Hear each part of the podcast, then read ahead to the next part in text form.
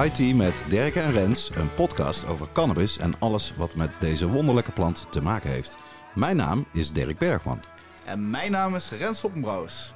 Deze aflevering wordt mede mogelijk gemaakt door Seedstockers. Betaalbare cannabiszaden voor thuiskwekers verkrijgbaar op www.seedstockers.com. Het belooft een bijzondere aflevering weer te worden. We hebben een hele bijzondere gast in de studio en we gaan voor een free-form aflevering. Wat betekent dat we iets meer improviseren dan dat we gewend zijn. Dat leggen we dadelijk nog even verder uit. Onze gast vandaag, Ashwin, staat al lang op onze verlanglijst. Hartelijk welkom, Ashwin. Dank jullie wel. Dank jullie wel. Yes, leuk, eh, leuk dat we eindelijk even mogen hebben, eh, eh, in ieder geval eh, hebben uit kunnen nodigen naar de studio. Laten we snel beginnen met deze eerste uitzending van 2021. Ik hoop dat iedereen een goede start van het jaar heeft gehad. Laten we beginnen met, wat zit er in je joint vandaag?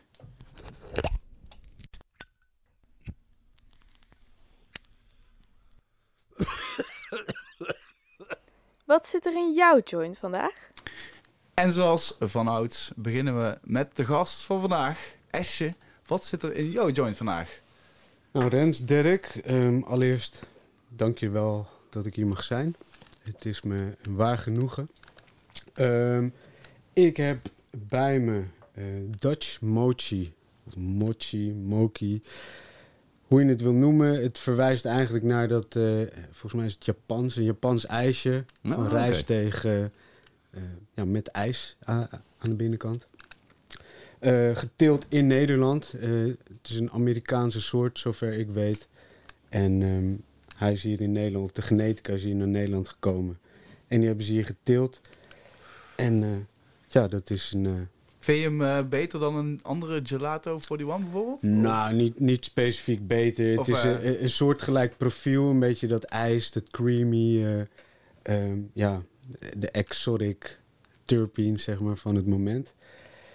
En ja, dat bevalt me goed. Ik ben sowieso wel een liefhebber van die complexe, ehm, nieuwe terpeenprofielen die je ja, veel tegenkomt. En ik denk dat ik niet de enige ben.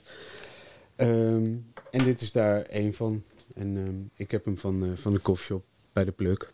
Ah, lekker, lekker. Dirk, wat zit, wat zit jij eh, te roken vandaag? Ik rook eh, ook een koffieshoppietje eh, vandaag. Eh, trouwe luisteraars zullen misschien wel eens eh, opgepikt hebben... wat eigenlijk mijn all-time favorite strain is eh, wat wiet betreft. Dat is de goede oude Silver Ace.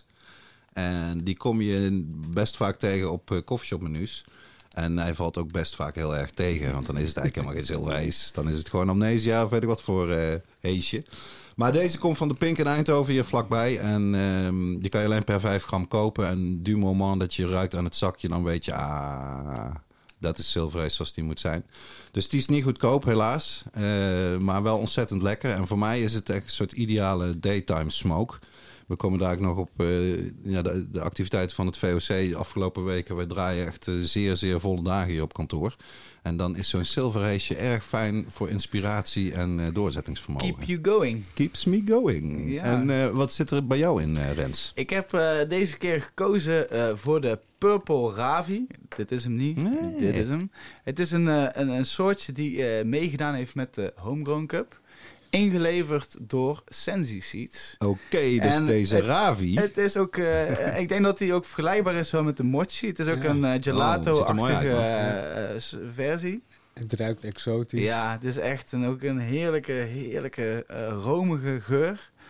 En ehm, hij ziet er ook ontzettend mooi paars met hele oranje haartjes en een lichte groene eh, gloed eroverheen. Wauw, zelfs eh, van aan de andere kant van de tafel op anderhalve meter corona afstand kan je zien dat het een super mooie but is. Ja, is mooi hè. Dus eh, ik Bijna ben, zonde om eh, appeal, te grinden. Kijk, ik dacht, eh, we gaan nog een keer een podcast met beeld opnemen. Ik denk, zou ik hem daarvoor bewaren? Maar ik denk, nee, we gaan hem gewoon lekker roken. Just smoke dus it. eh, nee, we zijn allemaal goed voorzien. Misschien dat ik daar ook nog een jointje moet draaien, omdat hij alweer bijna op is. Nou, de naam is natuurlijk wel grappig om eventjes te vermelden. Ben Dronkers, de oprichter van Sensi Seeds en ook het Hashmuseum en Hemflax, de, de vezelhennepbedrijf in het noorden des lands, heeft een aantal kinderen, waaronder één eh, zoon die Ravi heet.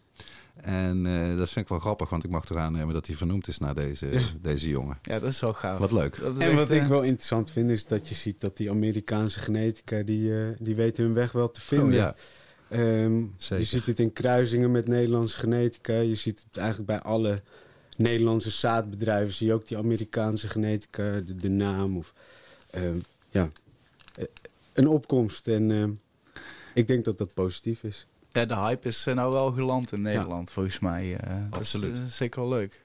Ja, je krijgt echt allerlei verschillende varianten. En ook bijvoorbeeld, net zoals Dutch Passion had bijvoorbeeld de Mokum's Tulip.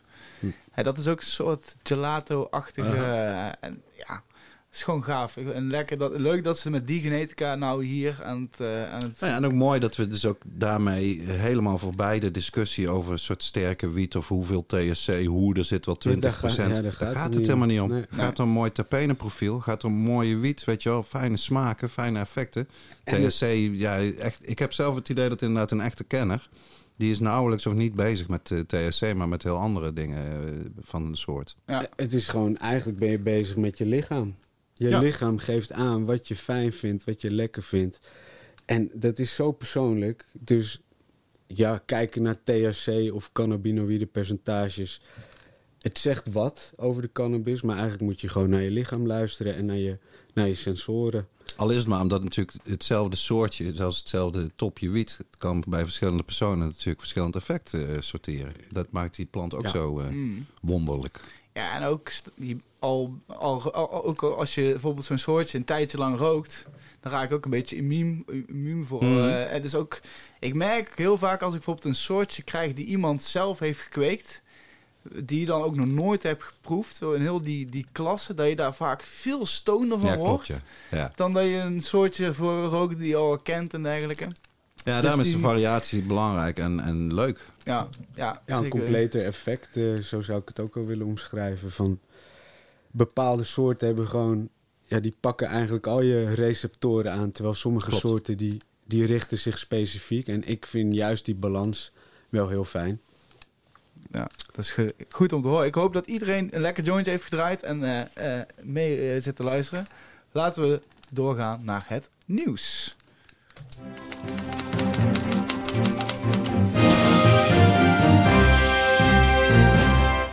We beginnen met nieuws uit het buitenland. Frankrijk. En ze hebben daar een volks... Oh, lees ik er nou? Een volksraadpleging gedaan. Ja, Dirk. lekker, lekker ouderwets woord. Eh, het is natuurlijk van belang dat het Frankrijk is. Frankrijk is met Zweden het land waar eigenlijk de allerstrengste cannabiswetten en de meest bizarre regels nog gelden van heel Europa. Eh, Frankrijk heeft er natuurlijk ook voor gezorgd dat wij in de jaren 90 met het eerste Paarse kabinet niet zijn gaan reguleren, maar zijn gaan criminaliseren en straffen zijn gaan verhogen. Dat komt allemaal door de Franse president Chirac, eh, na te lezen op het internet. Dus Frankrijk is wel een speciaal land. Want ondanks, of misschien zelfs wel doordat hè, ze de strengste wetten hebben, zijn ze nummer één in Europa qua verbruik van cannabis. Er wordt nergens zoveel wiet gerookt als in Frankrijk. Terwijl ze de strengste wetten hebben. Nou is daarvan eigenlijk de gouden les die je kan trekken uit het can- cannabisbeleid in elk land. Dat eigenlijk het cannabisbeleid helemaal geen invloed heeft op de hoeveelheid gebruik. Dat heeft op een, met heel andere dingen te maken. Bijvoorbeeld eh, de, de indeling van de bevolking. Hoeveel jongeren zijn er? Hoeveel mensen leven in de stad? Al dat soort factoren spelen mee. Wat zijn de trends internationaal? Maar echt niet of de politici zeggen je krijgt 5 euro boete of je moet één dag in de gevangenis. Maakt niet uit. Op het moment dat Frankrijk om zou gaan richting niet meer criminaliseren, maar reguleren of legaliseren, dan zou dat effect enorm zijn voor Europa. Dus je ziet dat er eh, al jarenlang zijn er moedige politici in Frankrijk die proberen deze kar eh, in beweging te krijgen. Dat is buitengewoon moeilijk. Maar het laatste nieuws uit Frankrijk is dat er nu dus zo'n volksraadpleging komt. En dat is een initiatief vanuit het parlement zelf, het Franse parlement. Die willen weten van de Franse bevolking. Wat vindt u eigenlijk van recreatieve cannabis? Dus het gaat niet over medicinaal in eerste instantie. Het gaat gewoon over een jointje roken. Voor de lol, omdat je je er lekker bij voelt. En dat kan tot eh, half februari uit mijn hoofd. En ehm, je ziet ook bij enquêtes dat natuurlijk de Franse bevolking, zoals bijna overal de bevolking, is het gewoon voor legalisering van cannabis. Zorg dat het een ne- nette witte bedrijfstak wordt, dat er belasting wordt betaald, controle. de luisteraars kennen het verhaal. dus ik vind dit zelf een enorm bemoedigend eh, bericht. Ik zou ook zeggen, eh, waarom heeft Nederland het nooit gedaan? Hè? Hier hebben we eigenlijk alleen maar eh, commerciële enquêtebureaus die in opdracht een enquête doen naar, naar cannabisbeleid. Waarom kan dat niet vanuit het parlement zelf en wat grootschaliger? Dus het is even afwachten wat eruit komt. En het begint er toch op te lijken dat ook Frankrijk Tja. gaat schuiven. Dus die groene golf eh, spoelt daar over het land heen. Eh, goed begin van 2021. Ik kon, het ook, ik kon het ook bijna niet geloven. Ik dacht dat het van zo'n website was waar je meestal van die fake nieuws eh, verhalen over hoorde. Maar inderdaad, als, als Frankrijk zou gaan veranderen, Ja, dan, dan heb je gewoon Spanje dat al redelijk tolerant is. Yep. Dan Frankrijk, dan heb je Nederland. Luxemburg, Duitsland is ook medicinaal helemaal aan het veranderen. Yep. Luxemburg, Zwitserland, Engeland gebeuren toch ook zeker op medicinaal Ja, vlak. Italië, CBD. eh, ja, het begint, de groene golf begint echt door Europa te wakkeren. En het is Vaak vaker geconstateerd door mensen die eh, goed kijken naar de internationale cannabisindustrie. Je hoeft ook eigenlijk geen Nostradamus te heten om te snappen dat alle regeringen wereldwijd geven nu tientallen miljarden uit om de economie een beetje op gang te houden en mensen eh, hè, levend te houden. Dat geld moet ergens vandaan komen Ja. ooit. Dat moet terugbetaald worden. Hé, en hier heb je iets waarvan je kan zien dat het in Canada en Amerika niet miljoenen, niet honderden miljoenen, nee, miljarden kan opleveren. En dan denk ik dat eh, dat, dat helpt voor ons.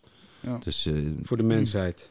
Voor de mensheid als geheel. En Ja, voor de planeet. zeker. Maar ook, ook gewoon lekker dat je gewoon als je naar Spanje wil rijden, dat je gewoon ook Oh, een yeah. jointje mee kan nemen onderweg. Heerlijk zou dat zijn. Zonder, en die eh, Fransen, kijk, eh, in de, in de show hebben we het natuurlijk vaak over de parallellen tussen met name de wijnindustrie en de cannabisindustrie. Je hebt het namelijk over verschillende soorten druiven, verschillende soorten wiet. Je hebt het over hoe behandel je die planten. Je hebt Welke het over grond? premium kwaliteit, Ja. grondkwaliteit, terroir. Je hebt het over bescherming van bepaalde eh, domeinen, zoals Champagne en Bordeaux. Ja. Dat kan je ook doen met Humboldt County. Dat kan je zelfs met de original Westland wiet zou je het kunnen doen. En dat, daarom denk ik dat Frankrijk, als ze zo slim zijn om om te gaan, wordt natuurlijk een geweldige internationale speler. Ja. Er zullen een hoop eh, wijnstronken worden omgeruild voor wietplanten. Reken maar.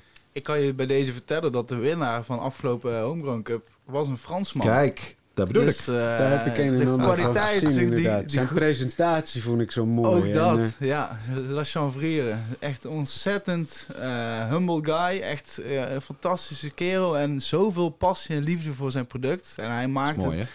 Hij woont in een klein boerderijtje. Ik ben dus een nachtje daar op bezoek geweest.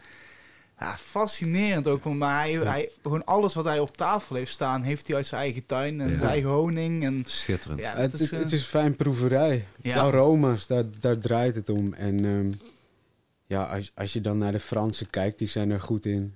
Eh, eh, Met wijn, maar ook met gewoon eten. kaas. eh, Eh Ja, kazen, fi- fijn proeven. En eh, ja, het komt eigenlijk allemaal terug naar de basis. Het is gewoon terpenen. En, en Ja. dat die allemaal een rol spelen op hoe je je op dat moment voelt. En Nou ja, en ja, ambachtelijkheid. dat fijn vindt. Dat is natuurlijk wat ze in Amerika en Canada craft eh, growers noemen. Ja. Of legacy growers worden ze ook wel eens genoemd. Vind ik ook wel een aardige term. Die dus al heel lang bezig zijn. Ja, dat is waar het uiteindelijk om draait. Want natuurlijk, je kan een wietfabriek bouwen. We kunnen, komen daar daar nog eh, op terug. Hè, op grote license producers in het buitenland. Maar ehm, die craft is natuurlijk wat heel interessant is. En de term cottage industry wordt in Amerika ook vaak gebruikt hiervoor. En dan heb je het dus over veel kleinere bedrijven. Een, een, een, een fijn vertakte infrastructuur van kleine craft producers. Die allemaal een stukje van die enorme taart kunnen meeeten. In plaats van dat je daar alleen maar huge eh, bedrijven hebt die, die dat allemaal als enige mogen doen. Ja. Ander Dat- goed voorbeeld is ook de koffie-industrie. Die Ja. snappen het ook. Dat is van massa is dat echt naar Absoluut. nou ja, specifieke smaken gaan. Naar, ik, nou, ik ben niet echt een koffiedrinker. Ik ben er recentelijk een beetje aan begonnen. Het is fantastisch. Ik ben een echte koffiejunk. Dus ik ben nu echt volwassen. Ja, en dan kan je ook zien, de, de, de sky is the limit, weet je. Je hebt uit Indonesië, dat is redelijk beroemd, eh kopi luwak is dat. En dat zijn koffiebonen die opgegeten zijn door een zeldzame luipaardachtig eh, dier wat daar rondloopt en Poep. uitgepoept. en door de, de, wat er gebeurt zeg maar, in de maag van dat dier geeft een speciaal aroma aan die bonen. Dus die haal je uit die poep, die maak je schoon. En dan heb je koffie, die kost volgens mij 100 euro voor een onsje. Poep terpenes. Ja, maar hoe ze daar ooit eh, bij zijn gekomen dan, hè? Vraag Ja, je moet dan stoner geweest zijn. Dat ze denken... Zouden die boontjes, die, die bonen die nog in die scheid zitten, zou er nog te, zou er nog te drinken Ja, zijn? iemand had een enorme zin in koffie, alles was op. Zoiets moet het geweest zijn. Kan niet anders gewoon. Nou ja, zoals wel vaker eh, komt het goede nieuws eh, dus uit het buitenland. In dit geval Frankrijk. En het slechte nieuws komt uit Nederland. Ja. uit Amsterdam. Eh, jij komt net uit Amsterdam Ja. eh, gereden, eh, Ja. Esje. Ja, klopt. Het I-criterium. Het ingezetene criterium voor coffeeshops. Femke Halsema heeft toch wel tot verbazing van veel mensen haar plan gepresenteerd. twee weken geleden geloof ik. En ze zegt, ja, we gaan de coffeeshops sluiten voor toeristen. En ze zegt niet alleen dat, ze zegt ook nog, als we dat doen... dan kunnen er ongeveer 100 coffeeshops dicht van de 166. Dus ruim meer dan de helft gaat dicht. Wat Femke Halsema van GroenLinks betreft. En hij heeft ook nog gezegd, ketens van coffeeshops, die gaan we aanpakken. Dus dan heb je het over, dit zijn natuurlijk wereldberoemde ketens, hè? De Bulldog, de Greenhouse, de Boerenjongens en de Barney's. Otala coffeeshops. En Barney's hoort eigenlijk ook in het rijtje. Wat is de overeenkomst tussen al deze coffeeshops? Dat weten we, we kennen ze allemaal. Dit zijn zeer professioneel gerunde, netjes uitziende, altijd hun belasting betalende en aan alle regels voldoende coffeeshops die een visitekaartje zijn voor de branche. De wiet is misschien iets aan de dure kant, hè, vanuit consumentenperspectief. Maar vanuit het perspectief van een bestuurder zou je toch moeten zeggen, die mensen, die doen het goed. Die moet je niet gaan afbreken, die moet je steunen. Of een voorbeeld aan nemen. Of een voorbeeld aan nemen, Of ja. ermee gaan praten in ieder geval. Ja. Nee, dus dit is eh, bizar. Ik heb gisteren, eh, ik hang deze week bijna elke dag aan de lijn met August de Loor van adviesbureau eh, Drugs, die we natuurlijk ook een keer in de uitzending hebben gehad. En die ziet het buitengewoon somber in. Het is zo dat eh, de burgemeester van Amsterdam heeft in dit geval niet een meerderheid van de gemeenteraad nodig om dit belachelijke plan door te drukken. Want dit valt onder haar eh, verantwoordelijkheid voor de veiligheid in de stad, of weet ik wat ze er eh, aan breien. En Loor heeft ook sterk het idee dat dit meer van boven wordt aangestuurd, dus vanuit Den Haag. En daar hoort het, het verhaal bij dat als dit toch onverhoopt door zou gaan, dat dan in de rest van Nederland, waar ze nog nooit het I-criterium hebben gehandhaafd, in steden als Utrecht, Rotterdam, Den Haag, noem ze allemaal maar op, dat die misschien ook gedwongen worden om dit te gaan doen. Om de buitenlanders weer uit de koffieshops te weren. Nou kom ik zelf, zoals de luisteraar weet, uit Eindhoven. We zenden uit vanuit Eindhoven.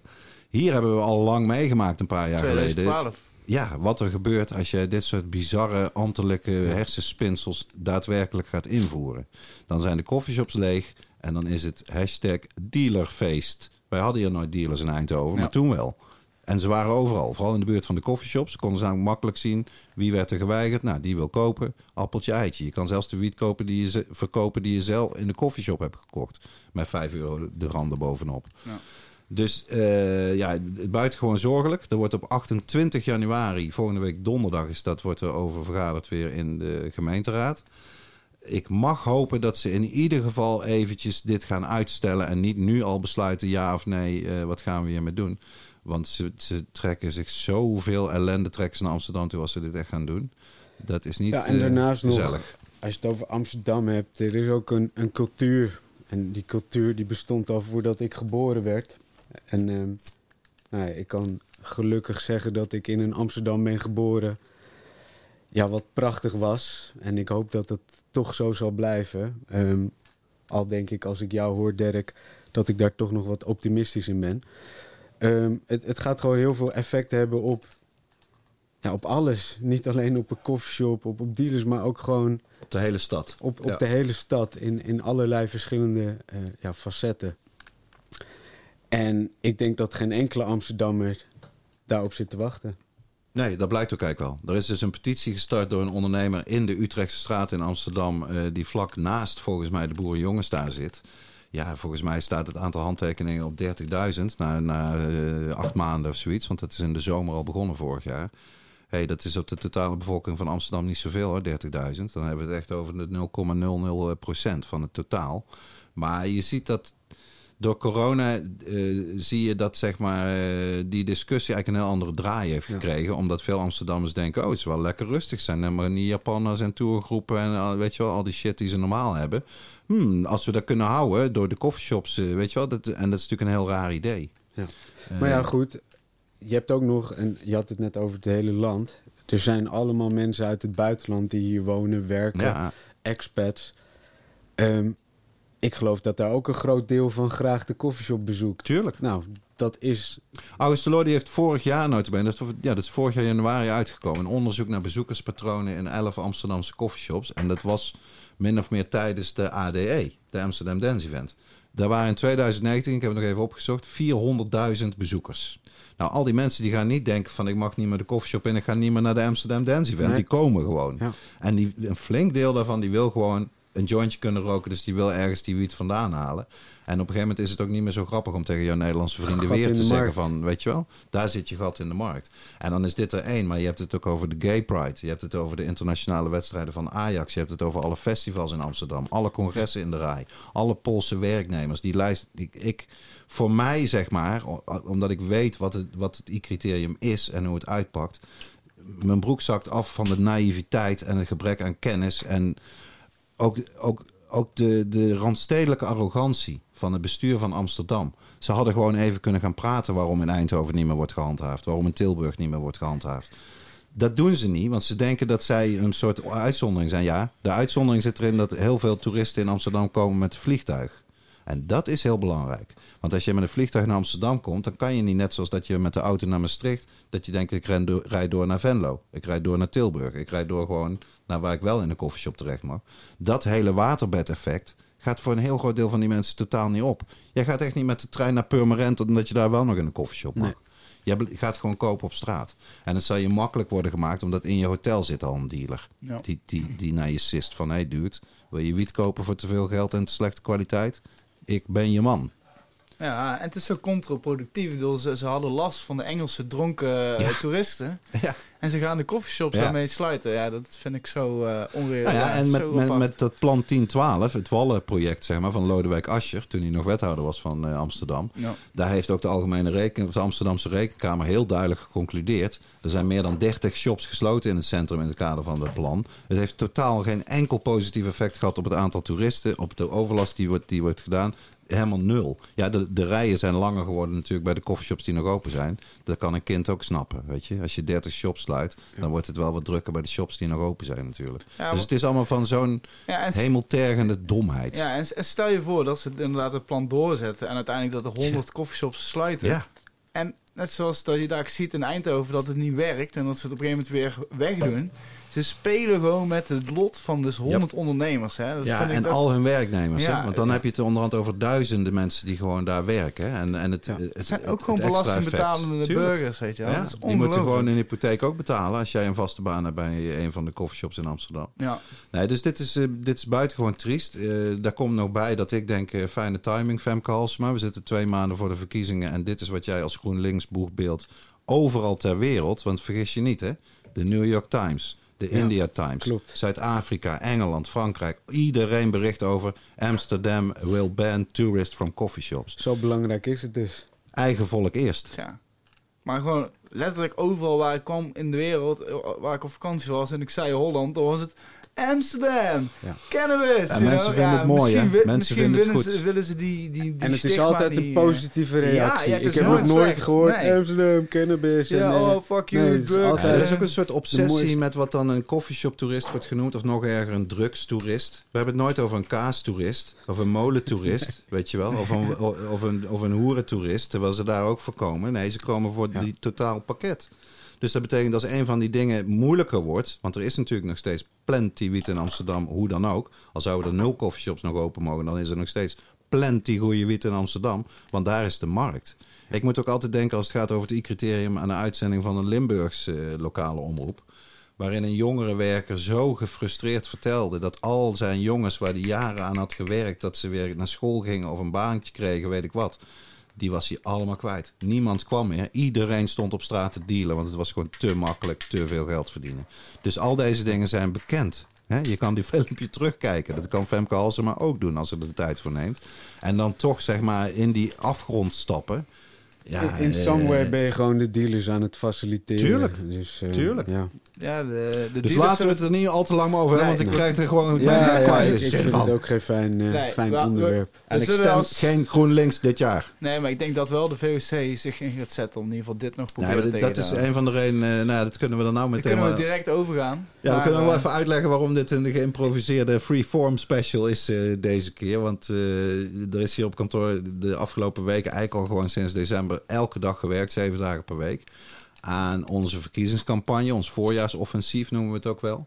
Eh, dat uit een aantal onderdelen bestaat en dat nu eigenlijk vrijwel klaar is om te gaan knallen, zeg maar, met die verkiezingscampagne richting 17 maart. Eh, een van de aspecten of onderdelen van dat campagneplan is de Nationale Cannabiskrant. Daar gaan we er 100.000 van verspreiden door heel Nederland. Met distributiepunten ook in vrijwel elke provincie. Gratis die krant, er staan geen advertenties in. Wel een hoop goede informatie over wiet.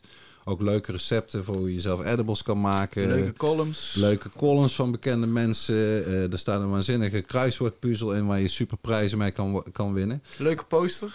Ja, binnenin zit de verkiezingsposter. Dat is ook een belangrijk onderdeel van de campagne. Dat we hemel en aarde bewegen, mag ik wel zeggen.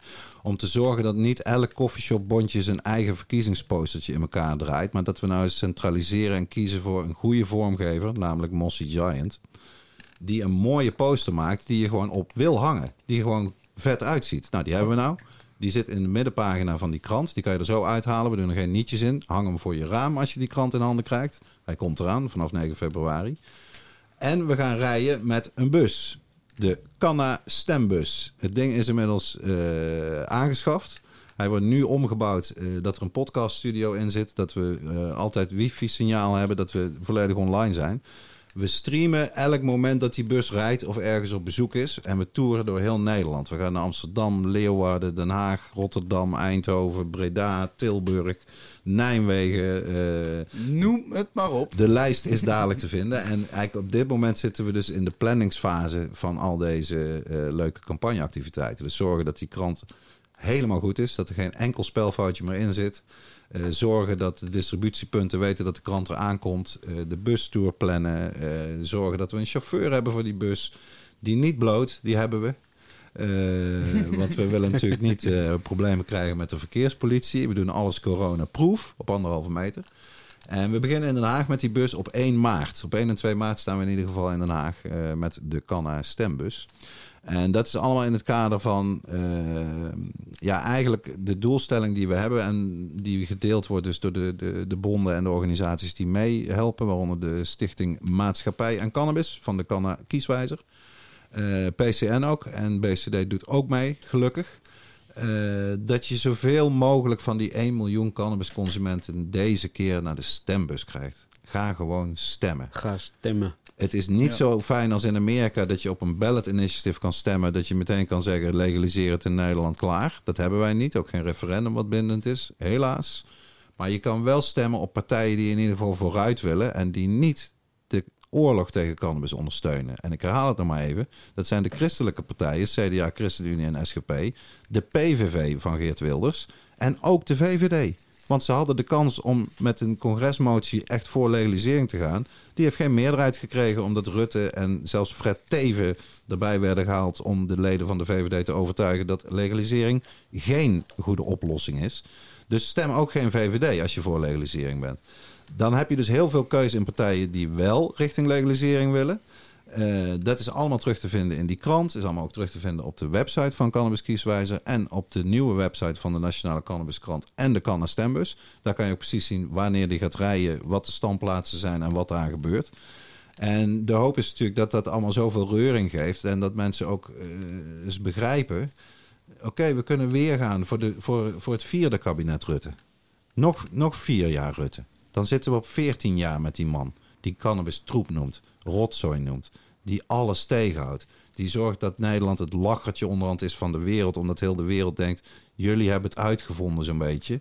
Jullie hebben een wereldwijde kwaliteitsreputatie en naam. Heritage. En jullie doen er helemaal niks mee. Sterker, jullie proberen het aan alle kanten kapot te slaan. Ja, Dus mensen, ga stemmen. 17 maart. zeker weten.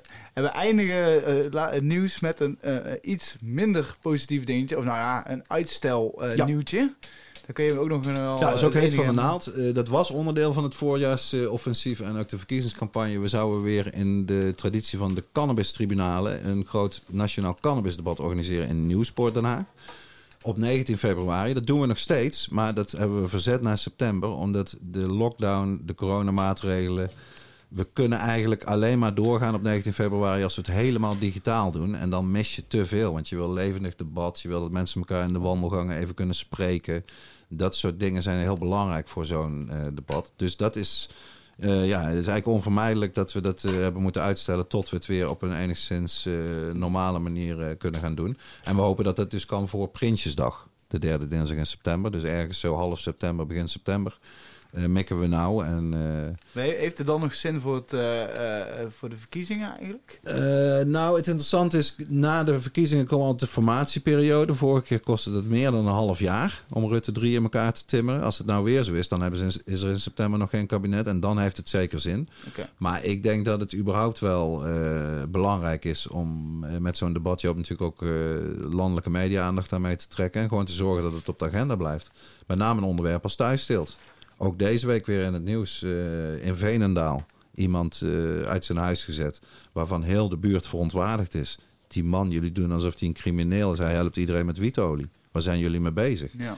Dat soort problemen moeten we gewoon gaan oplossen met het nieuwe kabinet, hoe het, ook, hoe het er ook uitziet. Er moet een regeling komen voor thuissteelt. We moeten stoppen met mensen uit hun huis gooien voor een plant. Wat we niet doen met verkrachters en moordenaars en terroristen, maar wel met thuisstelers. Dat slaat nergens op. Dus ik denk dat dat punt maken, dat doen we met die krant, dat doen we met die bus. En dat gaan we natuurlijk weer doen als we dat wat kunnen organiseren in eh, september in Nieuwspoort. ja, dus zeg het voor, ga stemmen en hou het in de gaten. Hell yeah!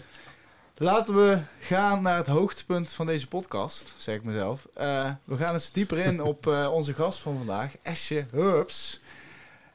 Esje, welkom en vertel eens, hoe was jouw eerste ervaring met cannabis? Mijn allereerste ervaring met cannabis, en die was wel erg vroeg. ehm, dat was eigenlijk eh, op de basisschool. Zo. en ja, het was niet zozeer dat, dat daar eh, wiet of, of daadwerkelijk cannabis aanwezig was. Maar wel hennepzaadjes Ah. uit vogelzaad. Want een van mijn klasgenootjes die was zo slim, eh, slim geweest om, om dat te herkennen. Of die had een oudere broer die dat herkende. En die had hennepzaadjes mee naar school. En die deelde hij uit. En iedereen had vervolgens... Je had wel over cannabis gehoord. En vooral de taboe maakte het dus zeg maar een mysterieuze plant. Ja. Ehm, nou ja, vanuit Amsterdam, ehm, ja, daar zag je eigenlijk om je heen altijd een vijf of soms zeven, zevenvingerig blad. En ja, die plant, die cannabisplant, die, die wietplant, wat was dat dan? En het was super interessant dat je daar opeens zaadjes van had. Nou, dat was, eh, dat was eerste. Die heb ik toen, eh, het waren een paar kleine plantjes geworden. Verder helemaal niks mee gedaan. Ja, had een cannabisplantje.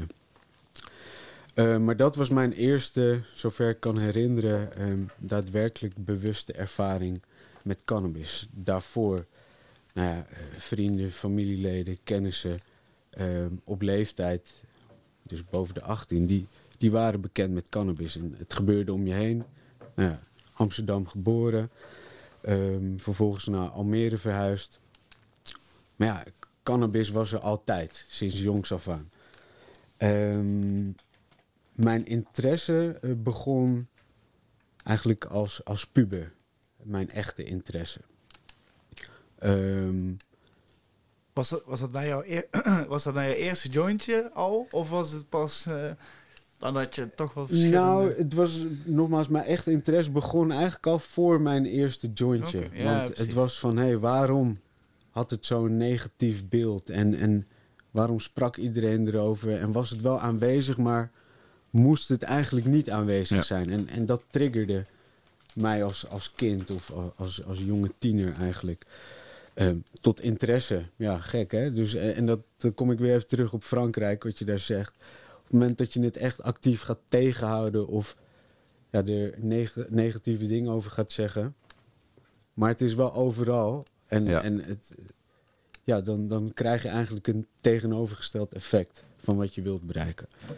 Dus dat, was, dat, dat gold ook voor mij. Ehm, maar ja, die interesse was er. Vervolgens, nou, die zaadjes die, die waren eigenlijk vrij verkrijgbaar. En nou ja, vooral vrienden eh, op die leeftijd, ja, die, die hadden wel eens wat cannabis of die waren bekend met cannabis. En toen begon je ook wat, wat plantjes in de tuin neer te zetten. En zo zag ik ook eigenlijk, en dat kan ik wel zeggen over, over mijn ouders. Ze vonden wiet, ja, dat was slecht. En daar, daar werden altijd negatieve geluiden over gemaakt. Maar aan de andere kant het feit dat ik daar een, een zaadje aan het, aan het kweken was in de tuin. Ja, dat, die connectie met dat eindproduct Ja. werd niet gemaakt. Oké. Want hoe kon dat simpele zaadje, dat natuurlijke proces, nou dat schadelijke product maken?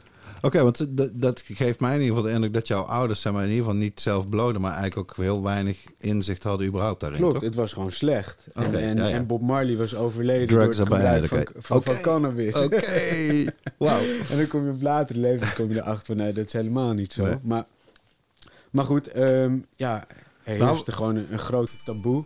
Dat is, je, je noemt het nou even, maar dat is voor de luisteraar blijft het anders even hangen. Eh, beste luisteraars, Bob Marley is overleden aan eh, kanker aan Juist. zijn teen, een melanoom. En met name omdat hij die niet liet behandelen, omdat hij niet we- westerse ziekenhuizen en westerse geneeskunde vertrouwde. Nee, En eh, dat, is, dat is de echte reden. Maar ga verder. exact. dus niet door cannabis. Niet door cannabis. Ehm, ja, en, en die interesse, dat, dat begon gewoon te leven. Je- je Wat gingen zij jou ook echt verbieden? Of was het gewoon, zij wist, wisten Nou, zij überhaupt dat het hetzelfde was? aan, jongs af aan verteld, het is slecht. Maar ja, en, en ik nam dat gewoon aan. Ja. Als kind neem je dat aan, je ziet het om je heen, maar ja, je weet het is slecht. Het is wel interessant, maar het is slecht. Ehm, en ik had ook niet, ja, ik had niet de behoefte om, eh, om toen te blowen. Toen ja, is er eigenlijk een moment gekomen dat, en dat is geen mooi moment, maar mijn eerste daadwerkelijke ervaring. En ik was 14 of, of ja, iets in die richting. En ja, je oudere neef. Ja. En ik zal geen namen noemen. Shout- Shout-out eh, Hopelijk naar heb je, neef. hopelijk heb je veel neven. Een belangrijke basis gelegd daar. Nee, maar ja, je mijn, mijn dus eerste ervaring, ik kon, niet, ik kon geen joint inhaleren. Dus mijn reactie was van, hé, hey, ehm, eh, spuug eruit. Dus er kwam slijm uit mijn mond. Ik kreeg, ik kreeg de rook niet over mijn, over mijn longen. De eerste keer hebben heel veel Dus mensen was geen of weinig effecten. Nee, ik was Ja. ook niet high of iets dergelijks. Ik was ook per Dat direct klaar. Toen, ja, zeker van slag, eh, adem, eh, ademtekort. En, nee, dat was geen mooie ervaring. Maar ja, wat, wat ik net al vertelde. Het was dus constant om je heen. En nou, je- dan ga je naar de middelbare school. En ik zat in Bussum op school. En dan was het er opeens continu. Want nou, ja, er waren genoeg klasgenoten, en ik zal weer geen namen noemen. die gewoon in de pauze, die gingen, eh, die gingen even blowen. En eh, naar Bussum, en ik, voor, voor de luisteraars onder ons, ik, ben, ik woon in Almere, ik ging dan naar, naar school in Bussum. Dat was een, toch wel een ander leven. Ja. Ehm, en, en dat dat daar dus zo aanwezig was, ja, dat, dat verbaasde me wel. Maar Was het omdat het zo harder of een grotere stad was? Of hoe, hoe, wat voor verschil was dat nou, dan? laat ik het zo zeggen, bepaalde steden zeggen over Bussum, of mensen uit bepaalde steden zeggen, zeggen over Bussum dat het wat kakkerig is. Ah, oké, oké. daar kan je Ah, eigen interpretatie aan geven. Ik- Je hebt de piramide daar toch, die koffieshop? Nou, kijk, daar, daar gaan Ja. we het zo meteen nog over Ja, hebben. ja, ja. En heel, dit is toevallig.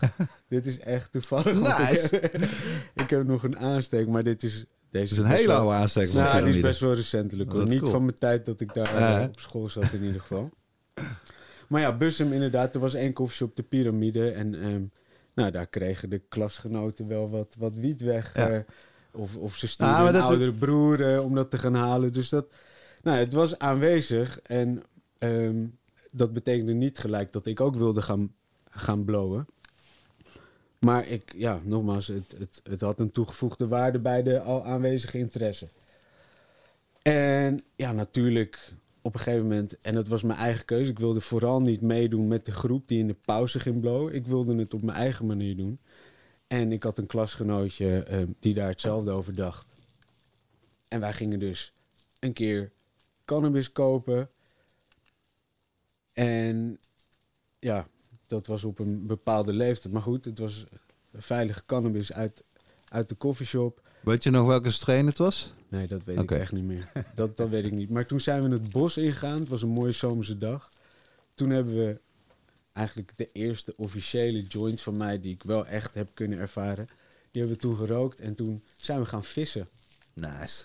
En het was gewoon zo'n geweldige Ja. ervaring. ehm, in de natuur. Ja, ik kan nog steeds een beetje verbeelding krijgen bij hoe ik me toen voelde met die zonnestralen op je, ja, op je pan. En, In alle moment, Kleuren, hè? in, het moment, Ja, inderdaad, alle kleuren. We hebben ook nog vis gevangen die dag. dus dat was een, ja, gewoon een prachtige ervaring. En ehm, ja, daar voelde ik wel wat meer voor. Dus zo, zo begon dat, zeg maar. Ik tilde nog steeds wat. En zo ook, Ehm, ook grappig trouwens. Dus jij tilde eerder voordat je überhaupt Ja. het had gerookt. Ja, Dat is ook ja. wel... Dat, is, dat heb ik niet vaak gehoord. Dat zou ik zo zeggen. Nou, ik ken zelfs wel mensen die, die al jaren telen en nog steeds nooit een joint hebben gerookt. Maar gewoon er zeg maar eer in hebben Ja, om zo mooi mogelijke plant te maken. Nou, bij mij was dat, het niet. Het was gewoon die plant waar zoveel taboe op heerst. Hmm. Nou, die teel ik hier Vond je gewoon. zo cool dan die gewoon? En ik had niet eens bloemen en ik weet niet of ik, of ik hennep had of, eh, of gewoon echte fotoperiode cannabis. Maar hij had in ieder geval dat blad. En nou, later kwam echt de kennis van, hey, die bloemen, daar gaat het om. En de hars op de bloemen, daar gaat het eh, voornamelijk om. Dus ja, eh, dat, dat was een heel proces. Maar goed, die, de, de interesse was er. de eerste momenten van gebruik, die waren er. En dat tezamen. En ja, ik zat op het, op het VWO in, in, in Bussum. En dat, ja, zeg maar die ervaringen samen met, met gewoon school. En dat het zo normaal was, ja, dat, dat had voor mij de bevestiging van... hé, hey, ik, ik wil daar wat mee. Ja, want Dus het ging heb- ook niet slecht op school do- opeens daardoor me- ermee. Nee, het ging Het zeker niet. Het nee. ging, en nogmaals, toen was het niet... Ik gebruikte niet dagelijks. Toen ik nog op het middelbaar onderwijs zat, dus op het VWO. Eh, toen was het echt eh, ja, op momenten, voor een schoolfeest bijvoorbeeld. Ja, ik heb eh, precies hetzelfde gehad. je, Ik ben heel jong begonnen, maar ik deed toen gewoon echt met heel speciale gelegenheden. Al was het maar omdat je er ook moeilijk aankwam. En dan Ja. was het duur of je moest het met heel veel mensen delen. En Ja. Ik ben echt pas met, met dagelijks consumeren begonnen. Was ik echt ja, 21, 22 denk ik of zo. Ja. Ja, voor mij ging ja, misschien iets eerder bij mij, rond de 18, 19, eh, dat ik op dagelijks consumeren zat. Maar daarvoor ja, sporadisch en eh, gewoon hele leuke momenten eh, gehad daarin. Eh, en, en nog wel een ander leuk feitje over, over de schooltijd, voordat ik dus gebruikte, en dat was in de eerste.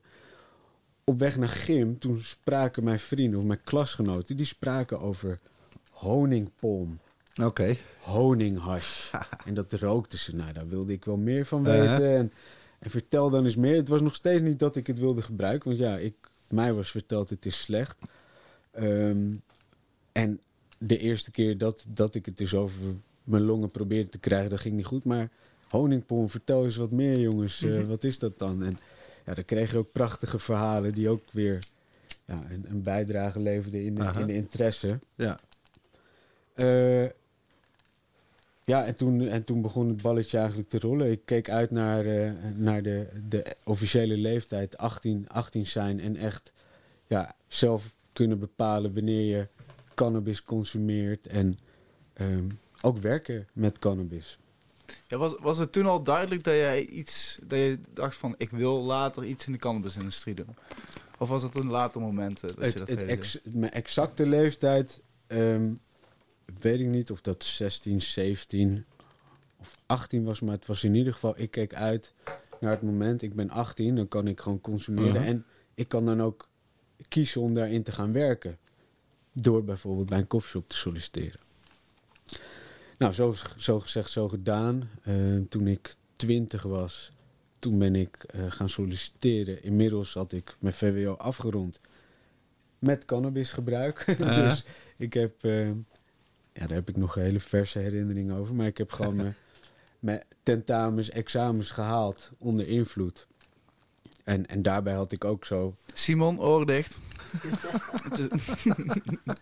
Nee, maar dat was voor mij een bevestiging. Het kan van, gewoon hey, je heel kan- goed zijn je voor kan- focus, Je kan, hè? je kan consumeren en, Tuurlijk. en alles doen in het leven wat je moet Ja, doen. En, en vooruitstrevend zijn als je dat zelf maar wil. Dus het is niet zozeer cannabis waar je over kan generaliseren. Het is gewoon welk individu gebruikt die cannabis en hoe gaat hij daarmee om? Of hoe gaat zij daarmee om? Kan bijna zo in de wijze woorden. Zo, ja, zeker Dat is absoluut Ja, waar. eh, ja. Dus Ja. en dat, in mijn leven was dat, is dat in ieder geval tot de dag van vandaag het geval. En eh, Daar hoort namelijk Ja, ook bij dat er natuurlijk ook een paar mensen zijn, of een deel van de mensen zijn, die kunnen beter gewoon niet wiet of hash roken. Zeker. Want dat werkt voor hen niet goed. Weet je wel, kunnen ze beter niet doen. Mijn slogan is, weer- eigenlijk, of eigenlijk mijn slogan is, en dat leg ik op die manier altijd uit, want dan cover je eigenlijk alles. Cannabis is voor iedereen. En dan heb ik het over de verschillende manieren waarop cannabis gebruikt kan worden. Je kan het consumeren, maar nou, ik denk ook aan hennep. Mhm. Cannabis is voor iedereen, maar niet elke variëteit is voor Ja, ieder ja, precies. weggelegd. Ja. En ehm, dan heb ik het over bijvoorbeeld soorten met hoog THC. eh, eh, Ja. De jeugd die constant hees consumeert bijvoorbeeld. Het is niet voor iedereen Mhm. weggelegd. En eigenlijk moet je gewoon heel goed naar jezelf kijken. Van hé, hey, wa- waar sta ik in mijn leven? Stagneer ik? Zorgt cannabis gebruiken voordat ik blijf stagneren? Of ben ik gewoon... Of iets anders. Ja. Precies. Je moet eerlijk zijn altijd tegen jezelf. is natuurlijk al heel belangrijk. Ja. Dus ja, dat Maar was je bent mij... bartender. Waar dan? Ja, bij Barney's, Ah, nice. Barney's Coffee Shop Oké. in Amsterdam. Ehm, Wa- wa- Waarom had je voor Barney's gekozen als ik vraag? Even Ja, tussen was vraag het- tussendoor. ik, zit, ik weet niet meer precies hoe ik daar ben terechtgekomen. Ik denk dat ik gewoon letterlijk wat shops ben afgeweest. Nou, en toen had je echt nog 200 plus coffeeshops. mijn nog cv heb denk- Ja, er zijn ingeleverd. 240 zijn er geweest. Ja. Mm, cv heb ingeleverd en ja, uiteindelijk eh, van, van Barney's iets terug hoorde. Ik weet echt niet meer hoe of wat via. Nee, dat was Ja. gewoon letterlijk, denk ik, gewoon eh, eh, ja, het wilde westen in en, en je cv afgeven. En dat was ook de tijd dat ik eh, begon, te begon te studeren. Ehm, een aantal keren aan de universiteit, de Vrije Universiteit in Amsterdam. En ik zeg een aantal keren omdat ik daar meerdere studies ben gestart, maar eh, geen studie heb afgemaakt op de universiteit.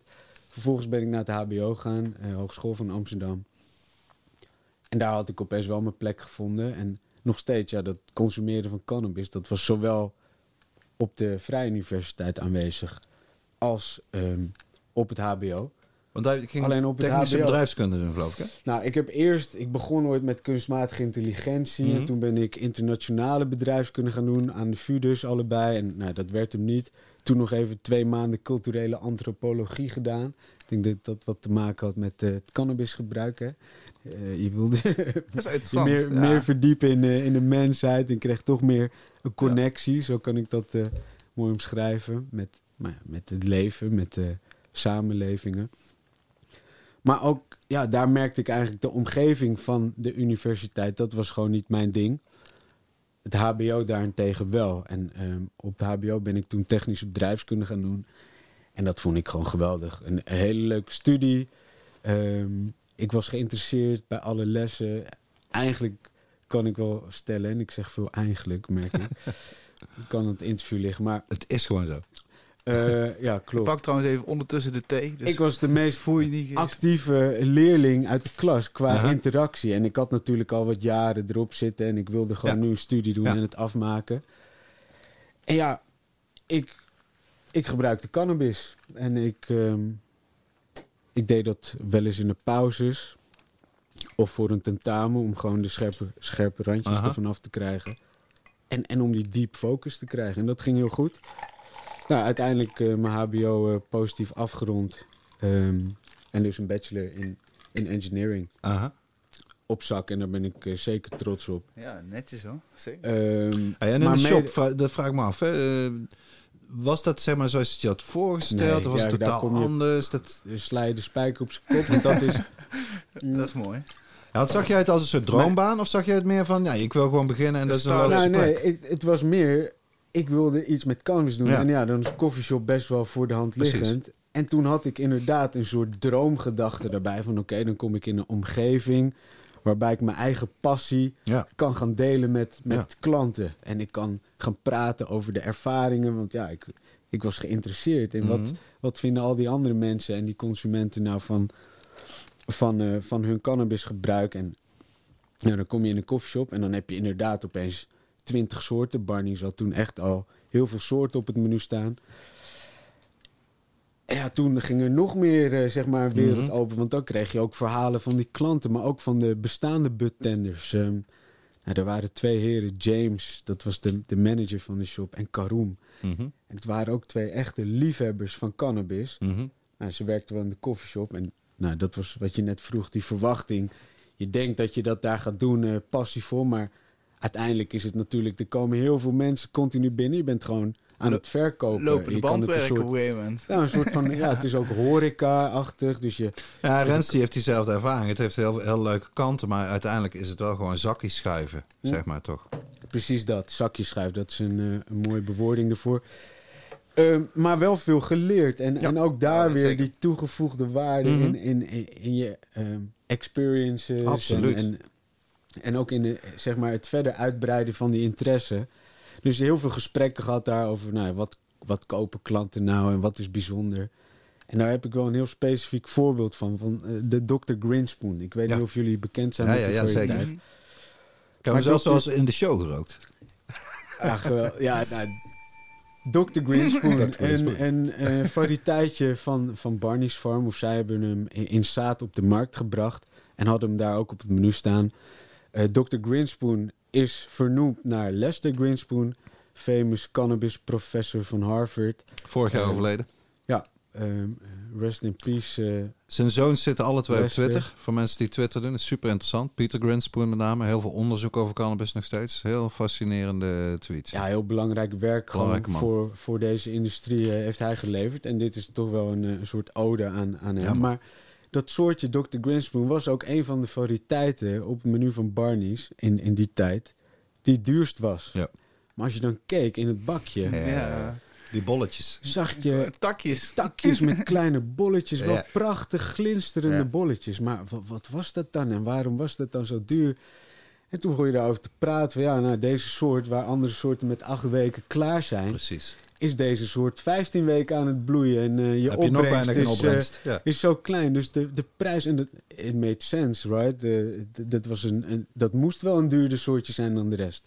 En dat was toen de tijd nog wel echt... eh, ja, zeg maar, het verschil in prijzen werd daardoor bepaald. Van als je een lang, Ja, lang nog bloeiend soortje ja. had, dan, dan betaalde je daar meer voor. Wat ik wel erg logisch vind. Ja. Ehm, maar Dr. Greenspoon, ja, de- nou, dan ga je het kopen natuurlijk. En dan ervaar je opeens ook Een een echte heel, ander, sativa een heel high. ander effect dan wat je gewend was of eerder had gevoeld. Love that. Ja, ook daar weer begonnen van, hé, hey, oh, die, die wereld van cannabis, dat is wel erg interessant. Dus genetica, genetica was opeens interessant, fijnproeverij was opeens interessant. Ehm, verhalen van, van consumenten, van klanten, van medeliefhebbers, dat was interessant. Nou, en dan heb je opeens wel eh, een, een volledige hobby te pakken. Hè? Ja. Dan zit je er gewoon Eh, helemaal Het wordt alleen maar breder en breder en Ja. breder en breder. Dat is ook voor journalisten die schrijven of een filmmaker of iets, een itempje over cannabis. Voor je het weet verzuip je, want het heeft overal mee te maken. En alles heeft een voorgeschiedenis, een cultuur, allemaal Ja. super interessante aspecten. Dat klopt, ja. Hoe meer je weet, hoe meer je weet dat je niet weet. We- Juist, Ja, mooi gezegd. is ja, de wonderenwereld van cannabis. hè. Ja, Het die is gewoon, heel eh, groot. Dat is ongelooflijk. En het is echt bijzonder en die blijft elke dag groeien, ook vandaag nog. Ja. En daar komen we zo op terug. Maar, ehm, en ik vertelde net al, ik heb wat moeite met, met tijdlijn, omdat er zoveel is gebeurd in de jaren. Dus waar, waar hoort het dan? Ik probeer het een beetje chronologisch. Wij houden je netjes om vertellen. Je was buttender geworden bij Barney's. En het was iets anders wat je, als wat je had Juist. verwacht. Maar je hebt wel erg veel van geleerd. erg maar veel dit- van geleerd. er kwam dus een moment dat je dacht van... Ik I move have on. to move on. Ja. Ja. er kwam een moment dat ik...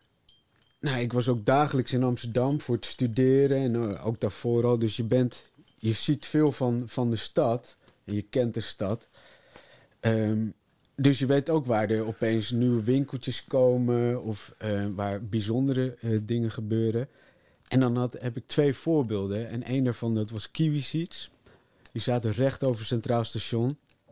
I remember. En als ik dan naar het werk ging met Barney's of eh, aankwam met de trein eh, of naar de studie. En, nou, dan had langs je daar een wippen. grow shop, dan ga je langs Ja. Kiwi Seeds. En iets bijzonders van Kiwi Seeds was dat ze daar bloeiende planten in de bag ja, hadden. ja, klopt. Ja. Helemaal gewoon open en bloot. Dus Ja. het was ook niet geheim. Ze hadden daar een soort ontheffingje voor. Of, ja, dan moet de wiet vernietigd worden. Dat heeft Cannabis College ook voor de planten in Nou, de dat kelder. was dus een de tweede plek. worden en de tweede plek was de Ja, de Cannabis college. college. En daar kon je gewoon ehm, echt bloeiende, mooie ja, topplanten zien. Dat waren niet de planten die ik in mijn tuin had gekweekt. Dat waren gewoon de real deal, zeg maar. Yep. Ehm, en ja, toen, ja, daar, daar ging je dan vaak naar binnen en eh, daar ja, een babbeltje met de personen, kijken naar die planten. En ah, ja, alles maakte het interessanter en interessanter. Ehm, dus ja, Cannabis College, je zei het al, Dirk. Dat was ook een van de plekken waar ik toen eh, nou, Kind aan huis was. kwam. Kind aan huis was. Ja. eh, Ik denk dat ik Nee, jou daar voor het eerst heb gezien eigenlijk. Bij Cannabis College. Dat zou Kan goed bijna niet kunnen anders. kloppen dat het Ja. daar begon, inderdaad.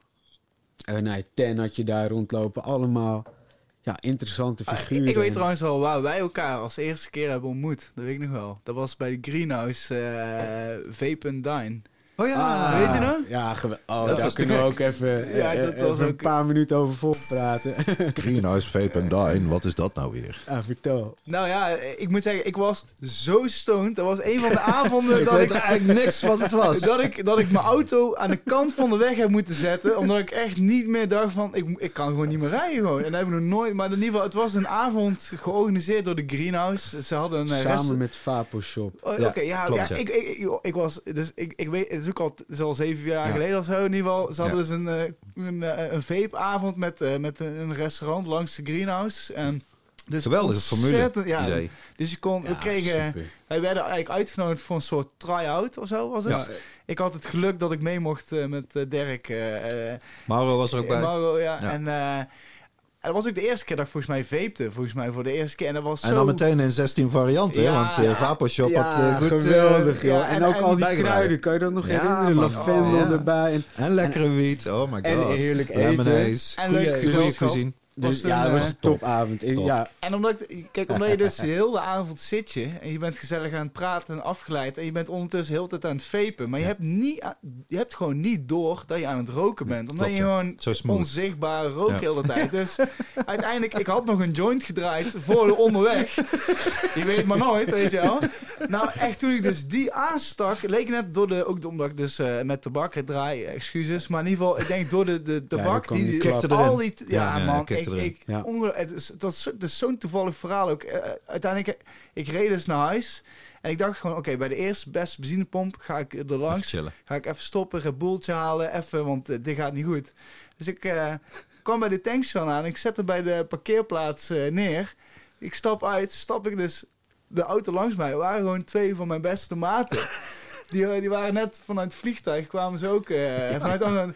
Dus die keken me ook een aan zo van, joh, gaat het? eh?"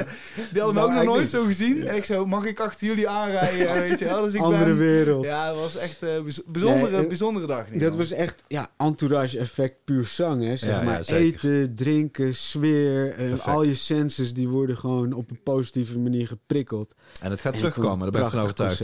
Ja, dat- hebben toen eigenlijk even in de toekomst. kunnen Juist. wippen. Juist. En ik Maar heb nog zo'n voorbeeld. Ik ben ook bij de High Cuisine dinner geweest. Ja, ja, ja. Ah, Eh, ja. En dat was, ja, dat is ook geweldig. Die topchefs, eh, nou ja, Noah en ehm, ik ben even de andere naam kwijt, maar nou ja, Noah uiteindelijk ook goede vrienden. Die doen nu vanuit de Greenhouse doen die een, eh, een, eh, een fried chicken concept Ah, in Amsterdam dat heb ik van af jou te halen. Geweldig, Ziet er heel heerlijk. uit, ja. Dat is cool, ja. Ehm, maar goed, die hadden dus ook een infused dinner gedaan. Ehm, ze, ze zijn topchefs. Ze hebben in Michelin-ster, eh, sterrenrestaurants eh, gewerkt. eh, komen uit, oorspronkelijk uit Amerika. En die hadden dus een soort van eh, ja, concept samengesteld... waarbij je dus het eten infuseert met, met cannabis. En ook nog met wat andere natuurlijke ehm, ja, kruiden, herbals. En dan zeg maar niet eh, swag, beetje eh, blaadjes zoiets. Nee, dat wordt er gewoon met hele goede concentraten wordt het geïnfused. Zodat ook die smaak lekker doorkomt. Ja, En je wordt knetter, knetter. Voor mij een geweldige ervaring. En daarmee Was, ga was ik het die high cuisine die helemaal uit de hand was Oh, gelopen? kijk, ik wou dus voor mij een geweldige avond Een soort ervaring. legendarisch Maar dat was avondje. niet voor iedereen het geval. Ja, ik heb een filmpje van Thijs Roes toen gezien. Ja. Ja, Wauw. die ging zelf ook nogal hard. Ja. maar het was echt ja, bijzonder. En, en ik denk Start dat... low, go slow. Dat is toch altijd het motto, hè? Niet andersom. Ja, alleen daar scheelt het hem aan. Want dan heb je weer... Dan moet, ja, dat heeft gewoon puur te maken met wie is er bekend met het effect van cannabis. Ja, want eten, niet. En je belangrijk, gaat heel anders dan roken Precies. en dampen. Ja. En daar zag je dat Heel eh, eigenlijk de personen die het al vaker hadden gedaan, waaronder ik, dus het consumeren van cannabis, Jij zat met een big Dat- smile dat die het een geweldige avond vonden. Maar mensen die het eh, acht jaar geleden voor het eerst. Oh, hadden gedaan, of ehm, ja, heel sporadisch een keer, ja, die hadden het best zwaar. Dus daar zie je weer dat, ja, we moeten nog heel veel leren voordat we echt Absoluut. precies weten wat, Ja. wat voor een, een individu werkt en wat niet.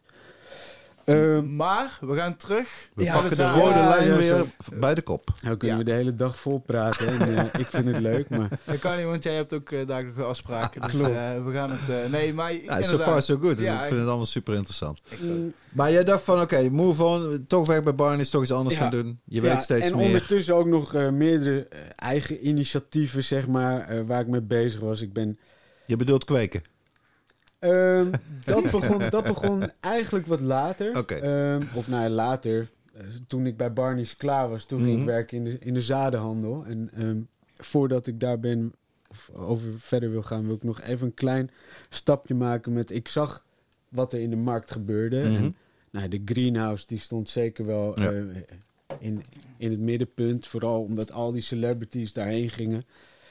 En aan de andere kant was ook cupcakes rond die tijd eh, opkomend. Oh, het ja. was iets Amerikaans, die kleine Ja. cakejes, prachtig versierd. Next level space cake. Dus ik dacht, dat, dat, moet, dat moet je samenbrengen. Daar moet je iets mee doen. En dan eh, had ik in mijn hoofd, en dat was echt, ik had het idee uitgewerkt, een boutiqueje waarbij je dan space cupcakes eh, gaat verkopen, high-end space cupcakes. En het was nog voordat die hele opkomende edible-markt Ja. in Amerika. Dit was gewoon van, hey, al die celebrities die komen al naar Amsterdam. Die doen aan een optreden. Nou, wat doen ze als eerste naast het optreden? De coffeeshop bezoeken. Dus die willen iets met cannabis. Nou, als ik dan iets hypes creëer, Tuurlijk. een boutiqueje, Goede kwaliteit. eh, goede kwaliteit, mooie marges erop. Ik denk, nou ja, dat is toch een eh, prachtformule. Dus ik naar de KVK, Kamer van Koophandel, met mijn idee.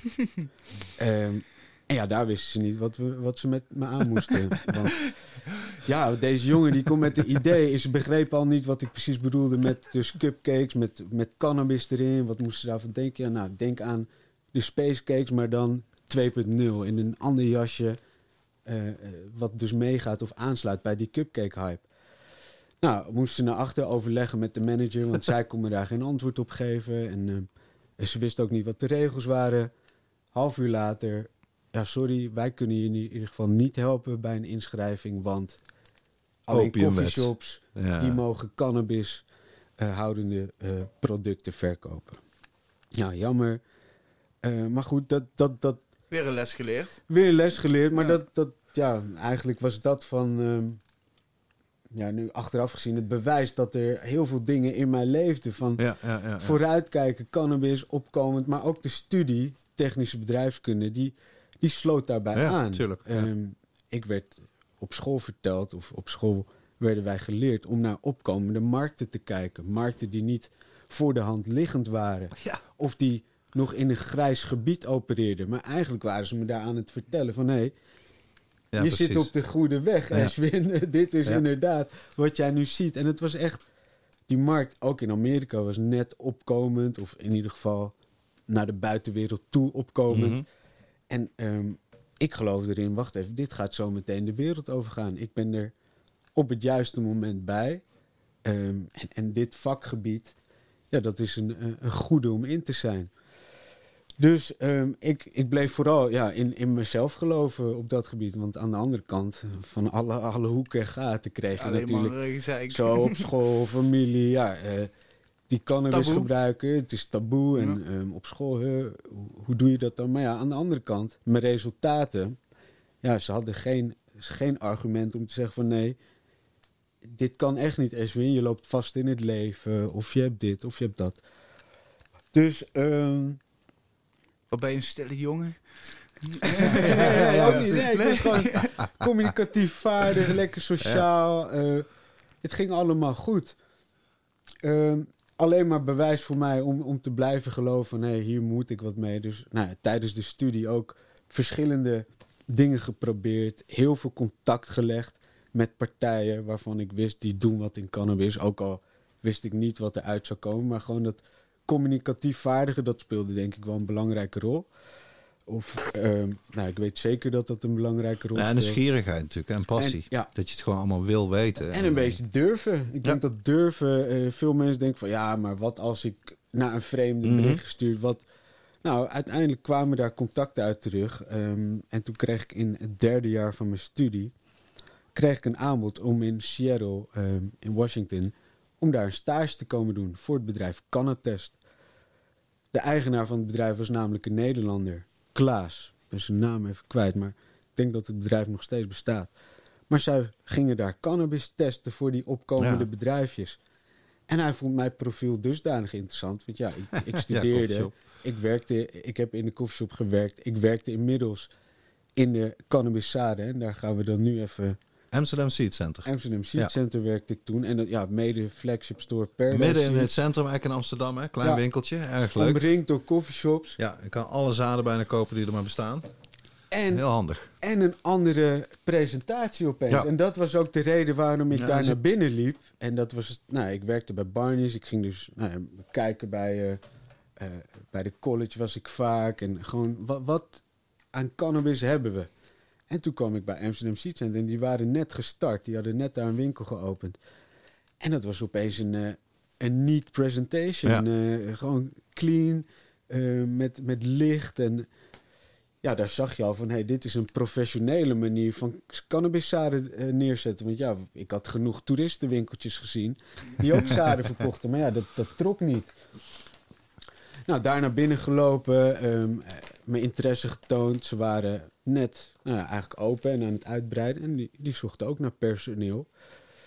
En toen mijn eh, eh, oude werkgever Erik dus eh, ontmoet. Ehm, en E- Erik zat daar. En nou, daar had ik gelijk een klik mee. Hij, hij merkte dat ik een liefhebber was en dat ik toch wel al veel wist. En vooral van die consumentenvragen. Want dat was iets waar, waar ik me heel erg in had verdiept. Wat vinden die mensen dan leuk en wat zijn de verschillen? En dus nou ja, ook variëteit eh, speelt daar een belangrijke rol. in. Vakkennis, feitelijk. Ja. En Erik is ook echt een hele fijne persoon om, om mee te werken. Ah, zo geweldig. Ja. Ehm, dus uiteindelijk zegt hij, nou, ik wil je uitnodigen voor een sollicitatiegesprek. Ehm, kom dan en dan maar langs. Ik ga het even overleggen met mijn partner Luc van Paradise Seeds. Zo gezegd, zo gedaan. En toevallig had ik toen een, een oogst eh, af van, van Autoflowers, Barney Seeds. Eh, Pineapple Express. Weet Ah, nice. precies. En toen heb ik bij mijn sollicitatie, had ik, ik had in mijn tas gewoon wat Zakje van mijn bij. eigen, eigen spul had ik in mijn tas gedaan. Ik denk, als dat moment daarna is, eh, dat, dan laat ik Flop het ik zien. het op tafel. Ja, laat ik zien wat ik heb gemaakt. En ook eh, dat ook echt gedaan. Want ja, Erik, die was zo, net zo liefhebber. Ja, die, ja, ja, ja. die had geen taboe op cannabis. Ik ga zaden verkopen, maar ik, ik vind cannabis gewoon normaal. En dat was een, een heel... Je mag daar ook gewoon een joint roken in de Precies. zaak, toch? Ja, Ook- on- Ook eh, tijdens werk. eh, voor mij gold dat ik... Ja, ik, ik was vrij om... eh, ze geloofden in mijn verantwoordelijkheidsgevoel. En ja, dat heb ik zes jaar lang gedaan. Ik runde daar in het weekend. ehm, vooral in het begin ja, eigenlijk in mijn eentje de shop. En gewoon de hele dag van 10 tot 8. En ik mocht daar vrij cannabis consumeren als ik dat wilde. Alleen moest ik wel zeker actief blijven met mijn doen. klanten. Goed mijn Ja. werk doen. En dat lukte. En dat was Dus dat was eigenlijk waarschijnlijk me- meer, meer jouw droomidee voor je in de shop begon. Was Zeker. eigenlijk dat. Ja. Ik kon me tijd nemen met Ja, klanten precies. praten. En letterlijk klanten vanuit de hele wereld die daar zaden kwamen halen. Ja, hè. cool. Uit Japan, Afghanistan. Prachtige verhalen, ook prachtige contacten daarmee opgedaan. Ehm, ja, die je dan nog steeds tot de dag van vandaag hebt. Je hebt gewoon vrienden in Japan Ja, zitten die ja, daar ook met cannabis bezig zijn. En voorheen konden die elk jaar rondom High Times, Ja. eh, die kwamen dan naar Amsterdam. Dat is geweldig. Dat was te gek. Jammer dat het voorbij is. dat is, Maar dat- je sprong er even snel overheen. Jij kreeg ineens een stage eh, oproep dat je in Seattle kon. Ja, kijk eens. Dat is natuurlijk wel interessant. Seattle. Nou, dat was... ehm, Want je, jij zei eh, ja. Ik, ik zei ja, natuurlijk. Technische bedrijfskunde. Ik Ja. moet een business development opdracht gaan uitvoeren. Nou ja, en Seattle is Nou, natuurlijk, eh, Washington State is samen met Colorado, dat zijn de eerste twee staten die open zijn gegaan voor adult eh, use. In 2016, denk ik. Ik, ja, Dat weet ik ook zeg, niet heb ik niet jaren, dat is... Maar zij eh, waren in ieder geval de eerste, nog ruim voor California. En eh, ja, ze zaten vooraan in de rij. Dus da- daar zat, zit nog steeds veel industrie, Ja. zeg maar. Ja, dus een uitnodiging gehad tot aan een... eh, Is dat een recommendation letter? Mhm. Of in ieder geval, hij had het verzoek gelegd bij mijn opleiding. Laat deze student alsjeblieft Ja. stage bij mij komen lopen. Dat was al bijzonder dat een bedrijf actief de opleiding zeg maar aan, Ja. eh, eh, aanschreef Ja, om, om dat voor elkaar te krijgen. Nou, daar is dus letterlijk ook het management van mijn opleiding heeft zich daarover gebogen en daar hebben ze waarsch- waarschijnlijk ja, discussies in moeten voeren. Ja, En helaas, in die tijd ik denk dat het vandaag de dag heel anders zou zijn. Maar in die tijd, ja, ze wilden het risico niet nemen. Oh, Toch te veel man. taboe. Doe maar niet. What Wat als hell. het imago wordt geschaad? Dat zat ik ook aan Van te de denken, opleiding. ja. Van, eh, Niemand had eerder stage in cannabis Ja, ja, gelopen. ja. Of überhaupt iets met cannabis en Te vroeg. professional business. Dus ja, dat was echt heel erg jammer. Ehm, mijn geluk was dat ik bij Azarius stage kon gaan lopen. Ah, En Azarius, Conscious, Ja. die hadden ook tuurlijk. een raakvlak met cannabis. Dus Ja. ik ging daar het hele eh, productassortiment onder handen nemen. Kijken wat de snel verkopende producten waren. Hoe de indeling in het magazijn was. Perfect technisch bedrijfskundige opdracht. eh, in het kader van procesoptimalisatie. Toch niet helemaal weg van cannabis. Want daar heb ik ook weer veel kennis op gedaan. Weer veel contacten op gedaan. En bij een geweldig leuk bedrijf kunnen werken. Onder leiding van Sanne. Ken je Sanne ook? eh? Ja. Ja, toch ja. Ja, zij is top. Ook altijd Geweldig. met cannabisbevrijdingsdag vanaf het begin. En Ja. open. Geen, niet zeg maar, Hele ik kijk club. anders naar jou, maar ik verdien geld met cannabis. Nee. Embracing. Ja, dit is jouw profiel. Jij houdt van cannabis. Ehm, ik vind dat elkaar. leuk. Dat waarderen we. ja, ja, ja, precies. Dat is wel grappig. Ook ja. ander leuk feitje. Ik was de enige uit de klas die een vol maandsalaris kreeg als stagevergoeding. Oké. Nou, dat vond iedereen op de opleiding. en dat was, dat was gewoon uit hun, eh, Ja, ja, normaal uit hun initiatief. 150 Zij stadion. ja, ik stagevergoeding. Ja, nou, kijk eens, wij geven je dit. Huh? Maar de, ja, nee, maar wij vinden je gaat net zo hard meewerken in de organisatie, dus dat verdien. Ja, Nou, cool. dus prachtige, Ja, je niet prachtige vaak. mentaliteit. En, nice. en daar ben ik zeker tot de dag van vandaag erg dankbaar voor. Ehm, nou, daar dus toen stage gaan lopen. En ehm, ondertussen, nou ja, mijn liefde voor cannabis... die begon wel eh, serieuze vorm aan te nemen. Want ik begon nu ook die soorten die ik bij Amsterdam Seed Center zag... de nu, vooral de nieuwere soorten... of waar de klantenfeedback heel goed op was... Nou, die wilde ik, daar wilde ik zelf ook wat van zien. ehm, en ik leerde zoveel ondertussen. Ik had ook al wat vaker planten geteeld buiten. Nou, laten we het nu maar eens in een tent doen. Nou, ehm, hier en daar wat eh, geëxperimenteerd. Maar vooral om die kwaliteit ehm, eh, te realiseren, te ervaren. Je wil, ik wilde iets maken wat ik niet overal om me heen zag. Waar ik, ehm, waar ik zeg maar door de jaren heen vanuit ging dat dat zeg maar iets was wat de mensen wilden. Maar wat niet altijd aanwezig was. Nou, had bijvoorbeeld iets als Dr. Greenspoon, iets speciaals Top shelf. top shelf. En het lukt goed eh, met, ja, het begint eigenlijk bij genetica en het gewoon wat tijd geven. En niet gewoon, eh, oh, ik wil alleen, ik wil geld verdienen. Want Ja, dat precies. was een van de beweegredenen van heel veel telers. Ja. Ik koop gewoon klonen en ik ga daar zo snel mogelijk doorheen bloe- groeien, bloeien. En dan eh Het lijkt ik. bijna alsof die plant aan kan voelen of jouw Of- belangrijkste ja. motivatie geld is, want dan gaat hij je teleurstellen. Die plant die kan dat Zo. aanvoelen. En andersom. Zo, dat zou wel... Ja, het is echt waar. Ja. Daarom is ik ook zo vaak lekkerder. En Zit liefde in de plant. Ja. ik had opeens heel, ja, ik, ik, ik was super blij met het product wat, Ja, wat ik maakte. En nou, ja, ik kreeg ook de feedback van vrienden, van kennissen, ehm, tot aan coffeeshops van, hey, wauw, dit is, dit is prachtig. En toen weet ik ook nog, want ja, dit, dan hebben we het nu alleen over cannabis of, wiet. Ehm hash was ook nog een dingetje. Want Hash mag ook in de show. Ik was even bang dat je het nog ging hebben over dat je ook tennis ernaast of zo. Maar hash is prima hoor. Vertel maar. hash... Ja, high times had ik het al over gehad. Ik werk Nou ja, je hebt het over die honeypollen natuurlijk gehad. Daar, daar begon het daar, eigenlijk daar, allemaal. begon, Ja, daar precies. begon het. Maar Lekkere hash is weer hash had anders. ook, is ook weer de wondere wereld van Tuurlijk. hash. Kan je ook weer een heel boek over schrijven. Al een het is ook gedaan. gehouden. En op een dag zullen we Robert Clark in de podcast hebben. Ja, de hash professor. Ja. Jazeker. Maar High Times Cup, dat was ook iets wat dus eh, constant aanwezig was. En door de High Times Cup, eh, vooral, nou, ik zat in, in de Seed Center, die cup was er, ontmoette ik heel veel Amerikanen, Ja, man. eh, Canadezen. eh, Zo cool. Ja. En een van die Amerikanen was een gast, die kwam met een innovatief dingetje. Die kwam met een Trippy Sticks. Nou, Aha. Trippy Sticks. En dan heb ik, dit is echt Ik, ken, ik heb er nog nooit van Trippy. Sticks. Ja. Een van de eerste... Ja, het was geen vaporizer, maar het moest een vaporizer pen Oh ja, voorstellen. ja, ja. En er zat een hi- hittemechanisme in. Dat was gewoon een, een Niet branden, maar staaldraadje. dampen.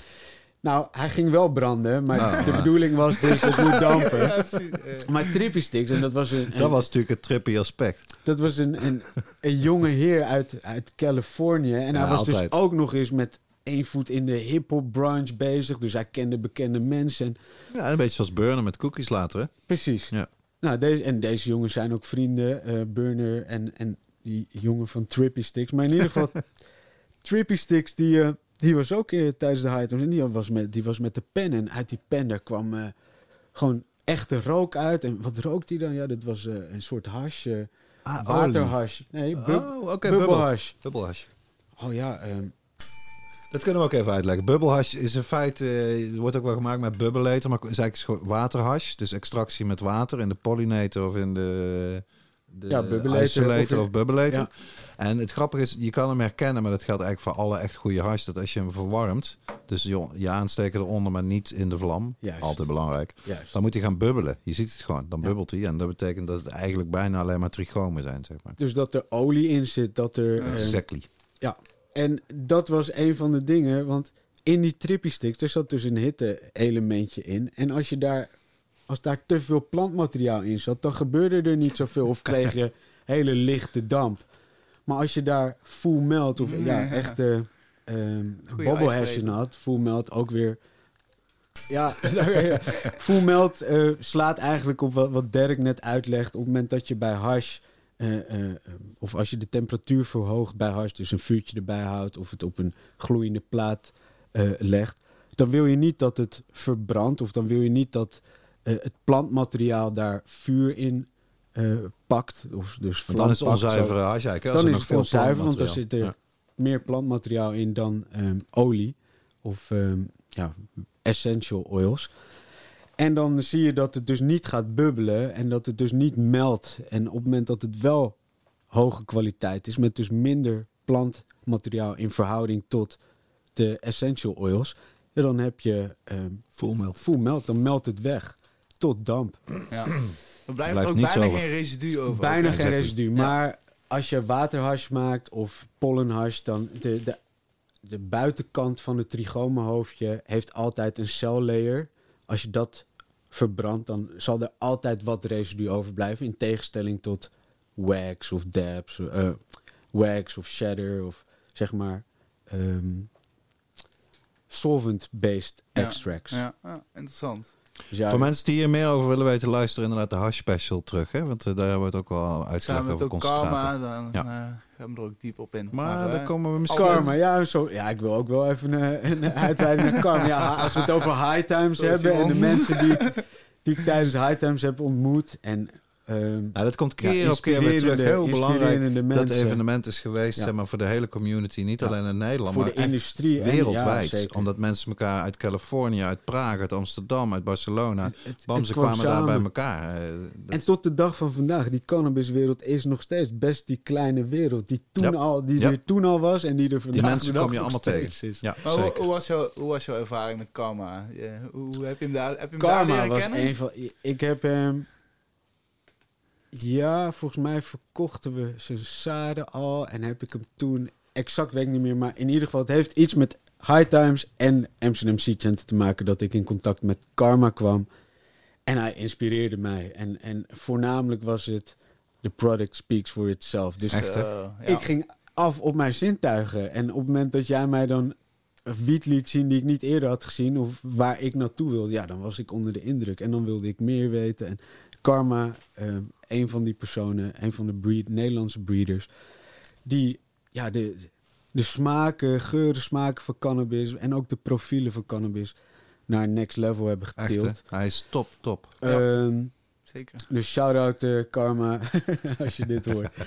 Maar goed, even, dat was even een uitstapje. Die, die trippy sticks, die, ja, die had ik nu in handen. Ik had allemaal verschillende kleurtjes van, eh, van die... eh, Jij denkt weer een gat in de markt. Nou, ik dacht, ik wil hier zo wat mee. Kijk, Ja, eens, dit is innovatief. Kijk hoe Ja. cool, cool het eruit ziet. Ik rook nu opeens uit de pen. Dus ik, ik ging coffeeshops af om die hash, die full hash te vinden.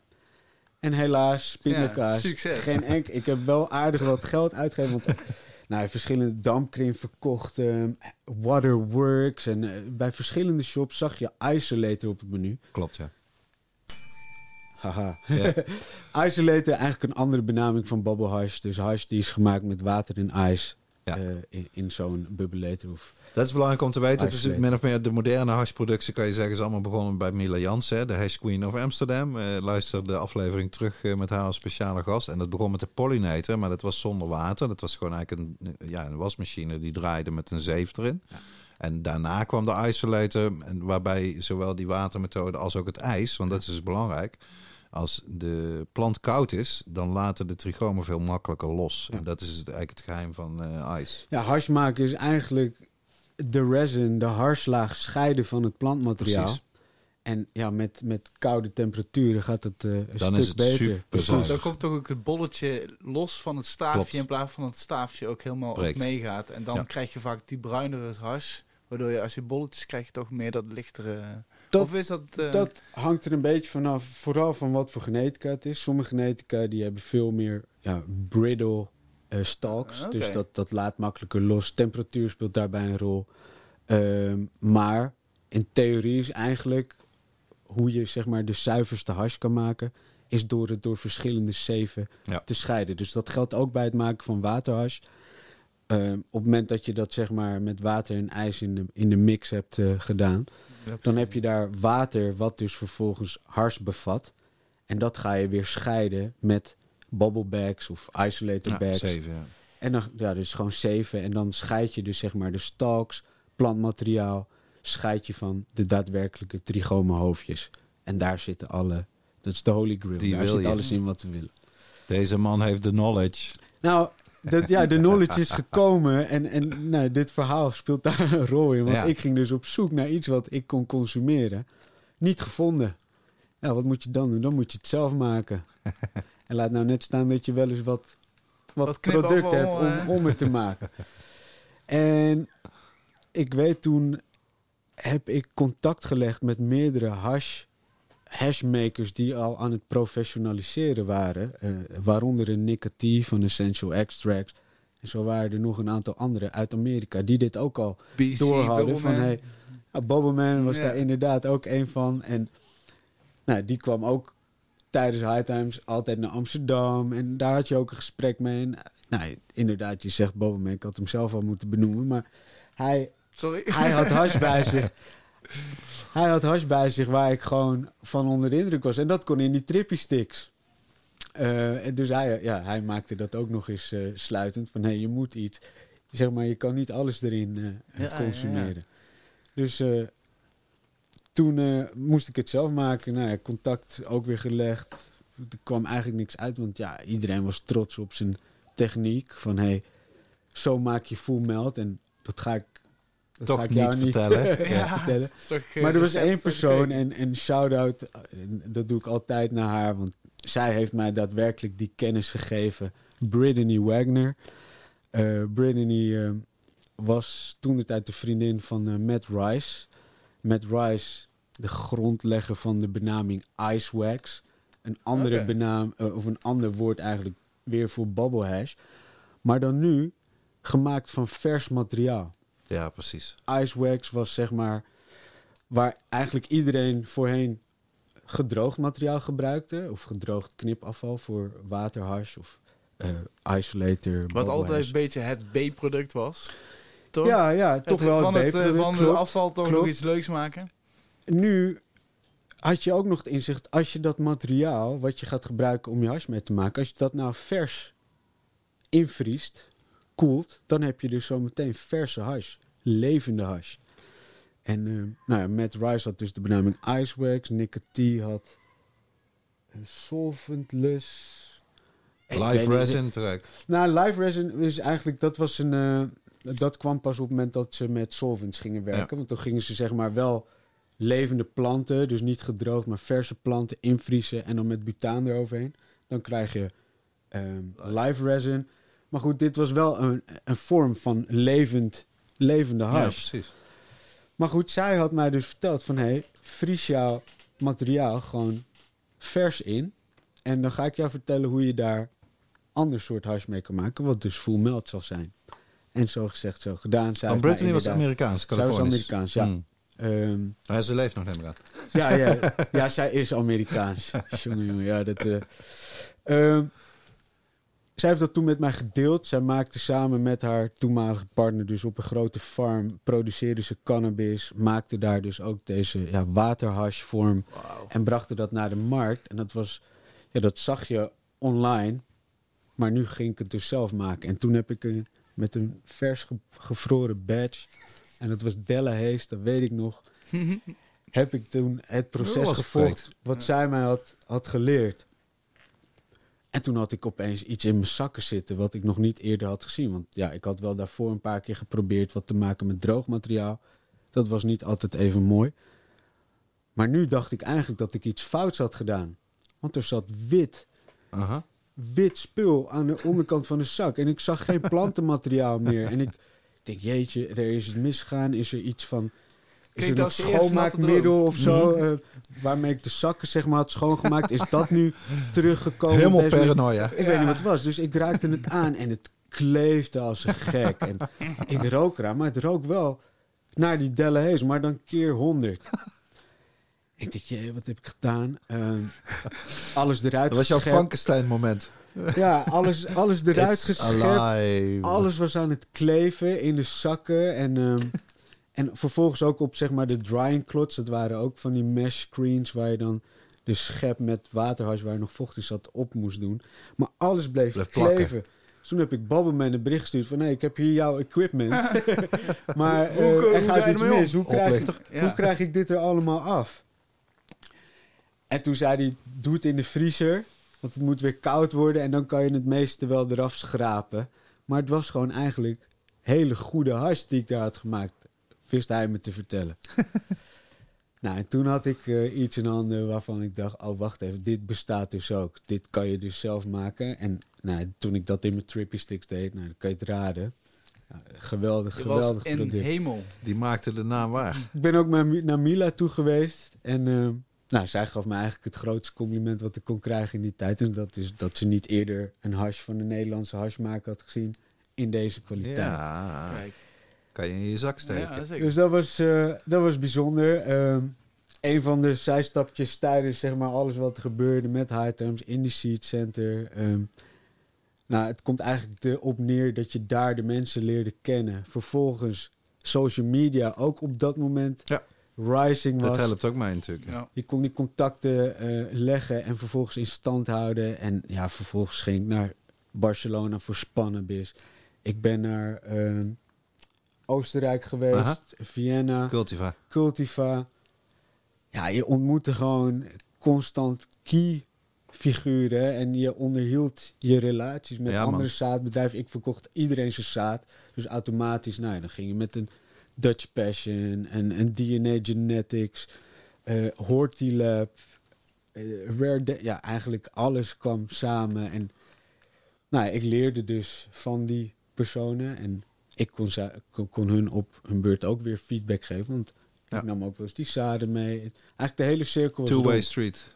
Ja, zeker. Ehm, en ja, toen kwam eigenlijk het volgende, het volgende niveau van ik vind dit geweldig. Ik, hier wil ik mijn levenswerk van maken. Ik wil hiermee ja, gewoon een carrière gaan, gaan opbouwen. Want dit is gewoon een markt, een groeiende markt. Kijk eens wat er in Amerika gebeurt, Colorado. De ene na de andere land gaat ook open natuurlijk. Ja. ja. En ik was van, nou, als het niet hier in Nederland kan, dan ga ik wel naar Amerika. En dat was eigenlijk een, eh, een hele optimistische gedachte. Kom ik zo op. Eh, kunnen jullie me helpen herinneren dat ik daar zo nog even op terugkom? Ik wil As nog she even... goes to the States. Nou, dat, dat wilde Stay ik. tuned. Dat wilde ik. Eh, maar onderweg, zeg maar, in die zoektocht naar iets, ja, iets op een next level, ja, moest je zeg maar alle initiatieven aangrijpen, eh, of wilde ik alle initiatieven aangrijpen Ja, die er om me heen speelden. En nou, ik had jou een paar jaar daarvoor ontmoet. Ik wist dat er een VOC was. Ik wist dat er coffeeshopbonden waren. Ik wist dat er af en toe gesprekken plaatsvonden in, eh, bij de Tweede Kamer. Dus er gebeurde heel veel. Ja. En ik dacht, ik ga daar ook actief mee aan de gang. En nou, dat was ook een van de dingen waarvan ik vond, ik moet dit gewoon doen. Om dat complete plaatje te krijgen en om uiteindelijk te komen waar ik wil zijn. Dus ja, toen eh, ging er heel veel tijd eh, tot eh, ongenoegen van mijn vriendin. En zij heeft, ja, ik, ik, had, ik had haar beloofd, ik zou ook een shout-out naar haar doen. Want zij heeft dat wel allemaal moeten, Ja, of daar zo. heeft zij, of niet moeten, daar wilde zij mee omgaan. Gelovende in van, hé, hey, volg jij maar je hart. Als jij denkt dat dat, dat, dat goed is voor zit. mij heel herkenbaar, moet ik zeggen Ja. hoor. Kijk, ik ben zelf eh, super lang getrouwd. Het is een wonder dat mijn vrouw het bij mij heeft uitgehouden. Eh, Shout-out naar Siel. En het heeft te maken met dat je een heel sterk gevoel hebt. Je hebt een soort, bijna een visioen heb Juist. je. Dat je ergens naartoe gaat, maar je kan nog niet precies zeggen of dat nou net Je dit is, je net verwoordt dat. het zo goed, Dirk. En Ja. je...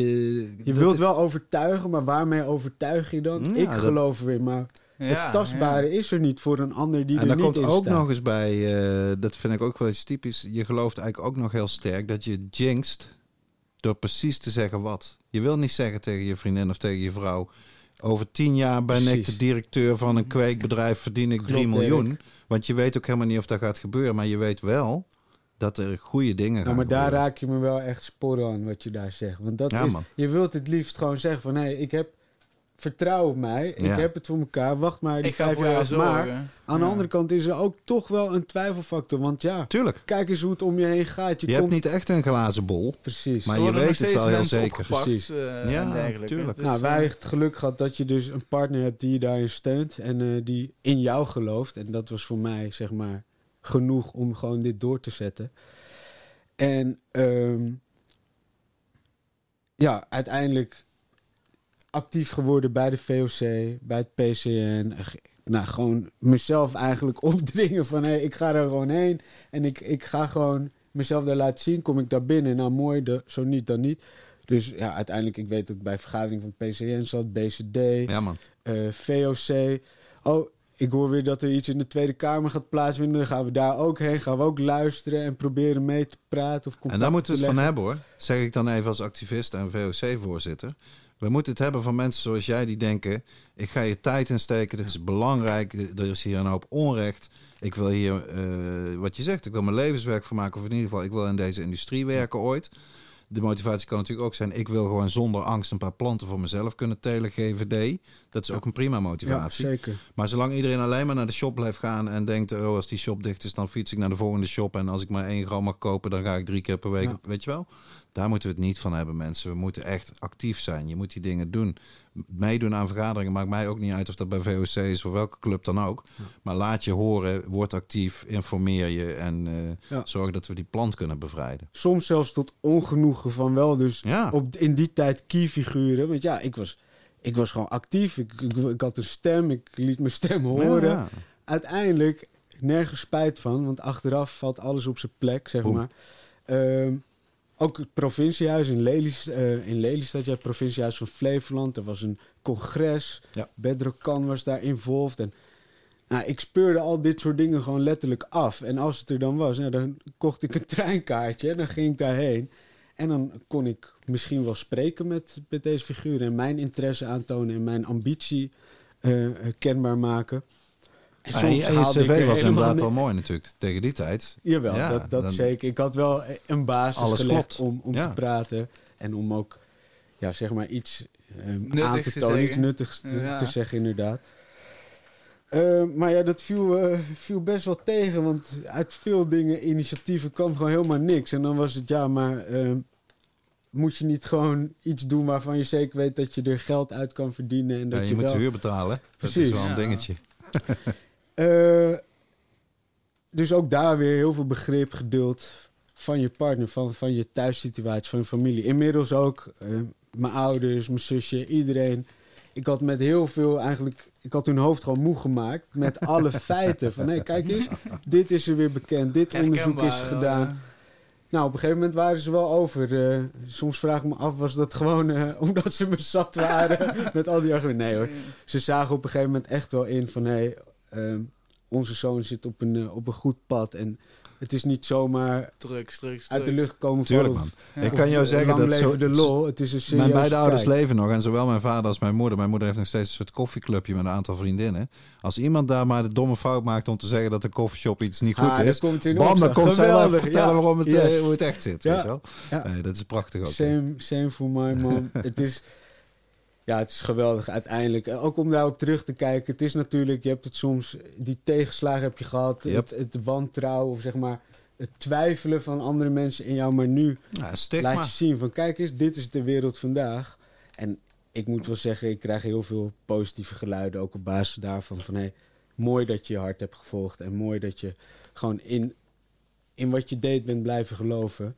Anders was je hier vandaag niet. Nou, het is echt inspirerend hoor. Ook gevoel voor mij. Ehm, ja, zeker weten. Nou, ah, dat allemaal gedaan. Eh, ah, andere initiatieven. Ik ben ooit aan een CBD isolate bedrijfje begonnen. ehm, met, misschien ken je hem ook wel, Callum toen de tijd. Eh, Callum, nou ja. Mm, nou, ik durf het even met mijn stone hoofd op dit moment niet te zeggen. Hij Die was ook- misschien wel bij de zat- vape hij- diner, maar ben je juist, hij- vergeten. nou, hij zat dus bij dat ehm, high cuisine Ah. diner. Ja. En hij was ook op Thijs' kamer. Maar goed, dat was een, een, een vriend van mij. En daar hadden we samen, we dachten we gaan CBD isolate gaan we eh, mengen met allemaal andere superfoods. Want opeens was zeg maar... Ja, slim. ehm, zeg maar geelwortel eh, kwam in. Kurkuma, ja. Kurkuma kwam heel erg in. ehm, elderberry extract. Zeg maar de superfoods waarop komen. We dachten, nou, dat, dat gaan we mengen of combineren met CBD. En dan uiteindelijk Gewoon hadden we veel, juices. ja, maar we hadden een veel te duur capsuletje gemaakt. Want al die ingrediënten waren zo duur. Gember extract van de beste kwaliteit. En alles moest echt goed zijn. Maar we hadden niet echt over een kostprijs nagedacht. En wat het dan moest, moest gaan kosten. En dat was allemaal... Ondernemen leer je met vallen en opstaan. Ja, nou, letterlijk. Eh, dus dat, dat werd uiteindelijk niks. Maar ja, elk, elk initiatief, dat leerde je weer, zeg Ja, maar, weer tuurlijk. wat meer en weer wat meer. Heel Zoals veel- Samuel Beckett, de bekende Ierse schrijver, het ooit heeft gezegd. Fail, fail again, fail better.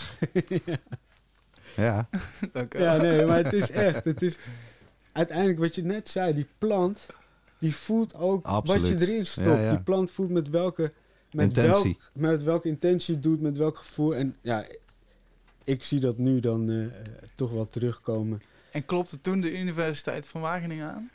Nee, Of was dat, ehm, eh, dat was Of Zij klopte eigenlijk niet aan. Het ging, eh, het Ah. ging op deze manier.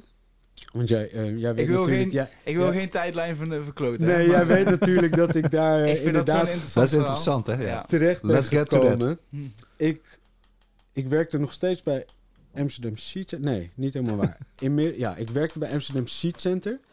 Toen begon mijn contact met de Wageningen University. En hoe kwam dat? Nou, een van mijn contacten die ik dus had opgedaan eh, in die jaren...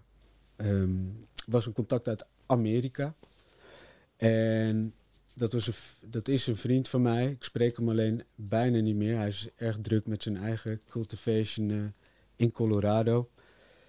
Hij kwam naar Nederland en hij wist wat ik deed en hij wist van mijn achtergrond. Hij zei, hey, ik ga naar een universiteit, de Wageningen Universiteit, om daar een van de eerste cultivation of legal eh, experiments te bezichtigen. Ik zeg, wat?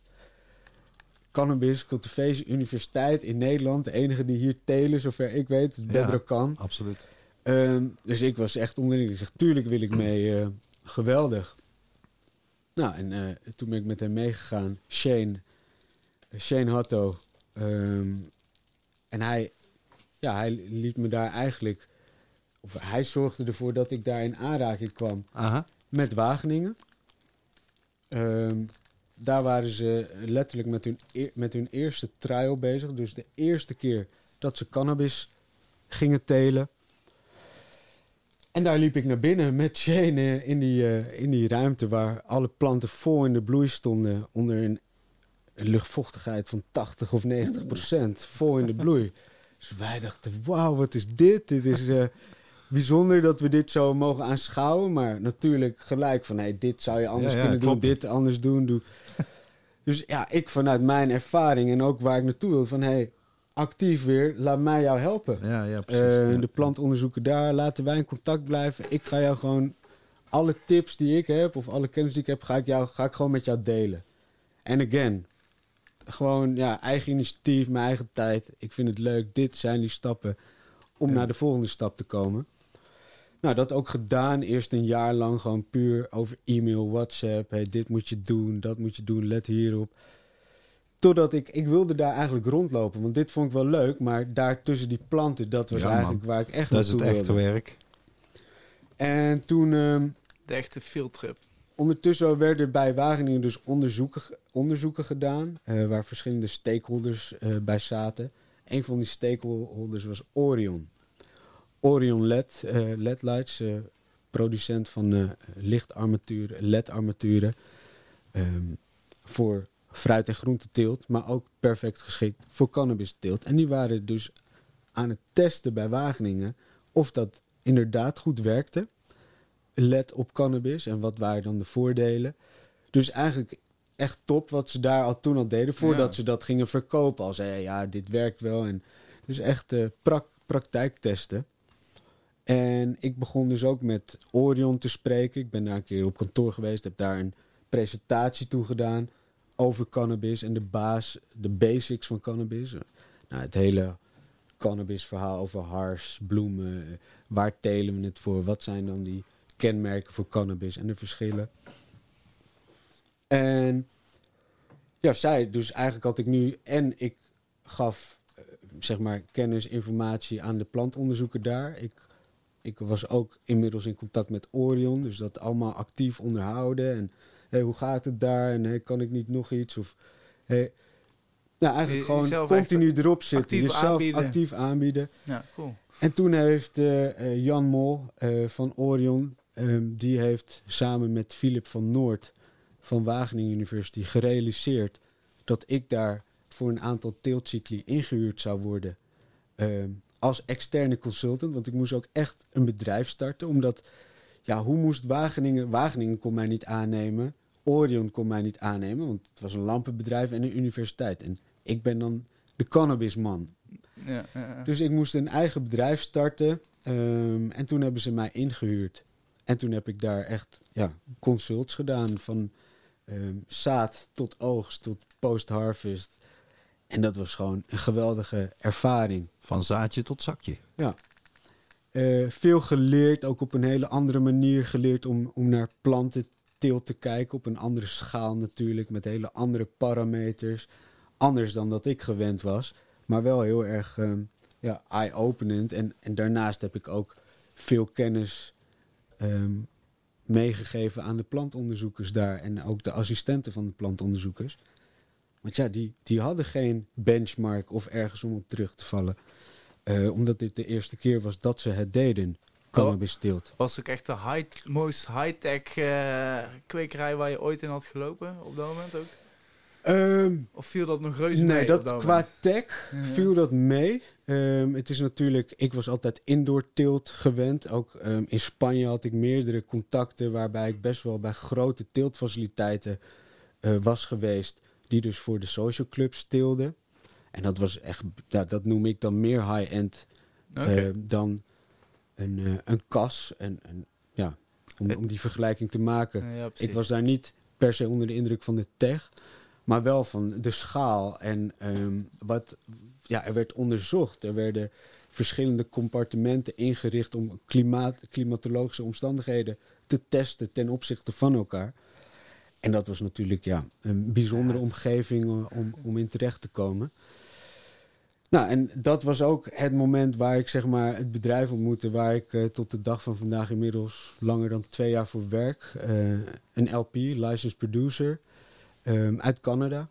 Ehm, en ja, dat was natuurlijk vanuit ja, wat ik net beschrijf, een ambitie En hebben een om logische volledig in, in, in legal cannabis cultivation Absoluut, eh, ja. te gaan werken. Ja, eh, een licensed producer. Dat is niet de Champions League, maar dat is gewoon de wereldkampioenschappen, toch? Ja, Ja. zeker. Zeker, zeker, zeker. en dan hebben we het over, ja, en toen begon zeg maar echt, ja, hoe moet ik het zeggen, de wondere wereld van cannabis. Dat ging echt, het boek ging open. En toen, ja, er is de hoogste, de hoogste, ehm, het hoogste level Ja, precies. van ja. teelt, van business, van Marketing. marketing, sales. Dat is, ja, bij zo'n LP gaan. Want werk jij voor hun vanuit Nederland of zit jij in Canada? Of ga je op en neer? Of Ik ga dat? op en neer. Ik, ik, ehm, wij zijn een LP die wereldwijd actief is. Eh, dus waar er marktkansen zijn, daar zijn wij om die kans te onderzoeken of om die markt te betreden. Eh, ik reis naar al onze faciliteiten waar we teelt hebben. Dus dat is Canada, maar dat is ook een Denemarken.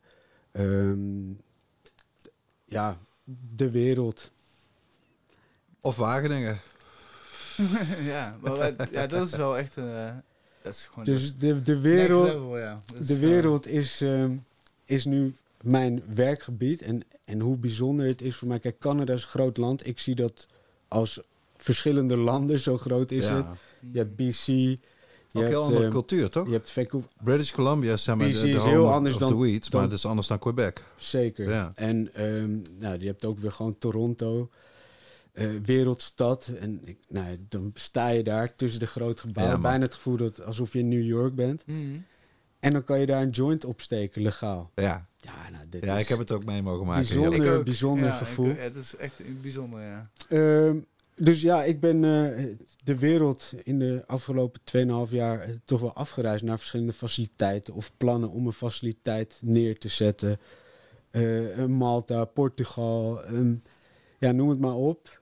Portugal Dus gebeurt ook veel, hè? Ja, een Ja. fijn klimaat en ja, geweldig man. Griekenland, ja, je kan. Zuid-Amerika zijn er meerdere landen. Ja, Daar ben ik trouwens name. niet geweest zelf. Ehm, wel hopelijk in de toekomst Ik nog kan het zeggen. Hè? Dat- Staat op het lijstje, toch? Niet helemaal waar. Ik ben voor High Times naar Jamaica geweest. Voor de Ah, eerste. High Times Cup in Jamaica. Oh man. Ja, dat, dat, dat, die ervaring heb ik ook nog God, mogen wat ben ik daar jaloers op. ja, dat is geweldig. Vooral als dan Exotic Genetics, de, ja, de, de man himself. Als hij dan komt met, ik weet nog precies, mint chocolate chip Oh uit Amerika. en dan heb je dat in die grill in Jamaica. En alle Jamaicanen, op het moment dat je daar op een feestje in de avond stond en dat opstak. Nou, kwamen ze eh, met massa's naar je toe van, wat ben jij daar aan het roken? ganja ik man. Ja, dat geloof ik wel. Dus ja, ja. Eh, maar Zuid-Amerika heel bijzonder. Ehm, Australië gebeurt er veel. Ja, het is gewoon de hele wereld. Eh, Maar en- dat, dat vind ik interessant. Hoe, hoe kijk jij dan met al die, die avonturen die je beleeft, kennis die je hebt vergaat naar de situatie nu in Nederland? We hadden het net al even over eh, het plan om bu- buitenlanders uit de coffeeshops te weren. Kijk, Nederland is een pionier als land in deze hele industrie. We, zijn, we kunnen ons letterlijk de grondleggers noemen. Canadezen noemen ons de grondleggers. Amerikanen noemen ons de grondleggers.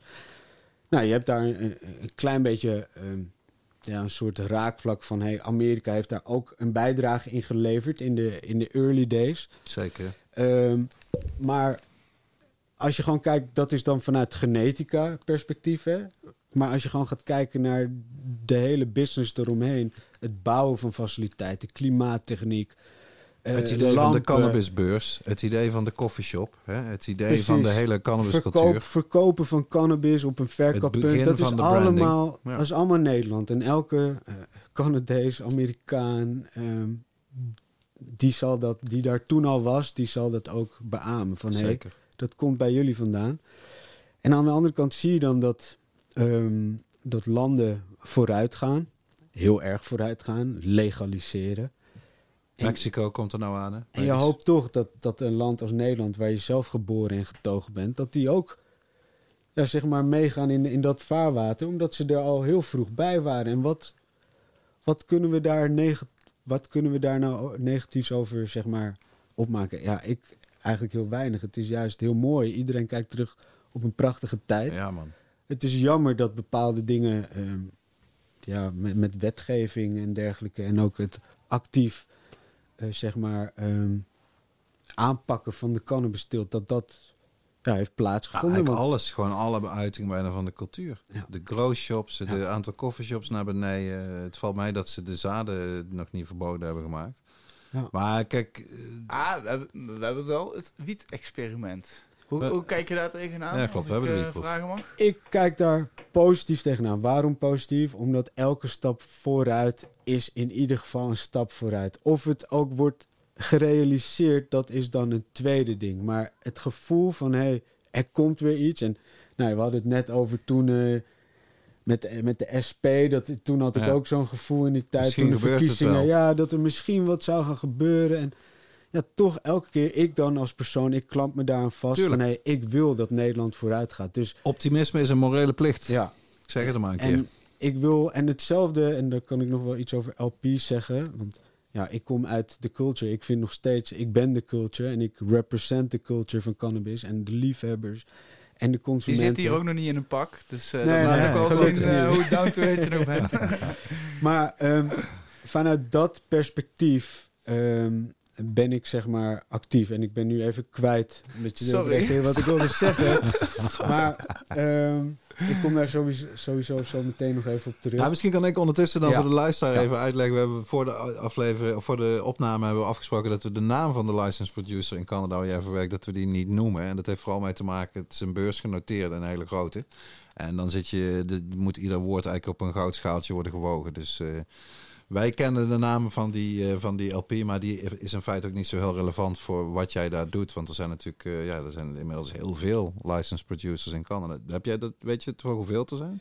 Echt wel In meer dan totaal, dit 120 zijn- of zo. Ja, dit zijn heel veel. In Ja. de honderden. En Ja, precies. ehm, je Oh. hebt ook nog de micro-LP's, dus Ja. eh, de, de kleine producers. Maar Ik vind micro-LP's wel een aardige term, inderdaad. Het is de allerkleinste producenten die het wel gewoon helemaal legaal doen. En Ja. daar zijn ook aparte programma's voor, geloof ik. Hè? ja, en het is wel commercieel. Dus Ja. het is wel echt voor de verkoop. Maar dan ja, je hebt gewoon een andere set van regels, een andere schaal. En ja, dat is, eh, ik vind dat gewoon heel vooruitstrevend. Ja. Het is heel vooruitstrevend. En natuurlijk kan je over elke markt die is gaan legaliseren of die nieuwe dingen doet, zeggen van ja, maar dat is fout. En, maar ik kijk vooral en dat is, ik ben er weer op terug. Kijk, En LP, ik kom uit de culture en sommige vrienden, kennissen van mij zeiden ook van ja, maar ja, nu ga jij, nu verkoop je jezelf om zeg maar in corporate te gaan.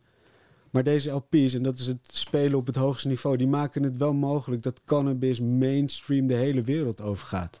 En daar sta ik achter, want ik wil dat cannabis bij iedereen terechtkomt. Ja, dat daar veel geld in gemoeid gaat en dat je het zelfs over beurs genoteerd hebt. Ja, kijk naar alle andere serieuze industrieën. Ja. Zo werkt het. Dus dat is, ja, ik, ik sta erin goed dat, voor de dat de jongens uit de industrie zich juist gaan bemoeien met die grote Vind ik LP's. ook. Zodat de, Vind ik Tuurlijk. ook.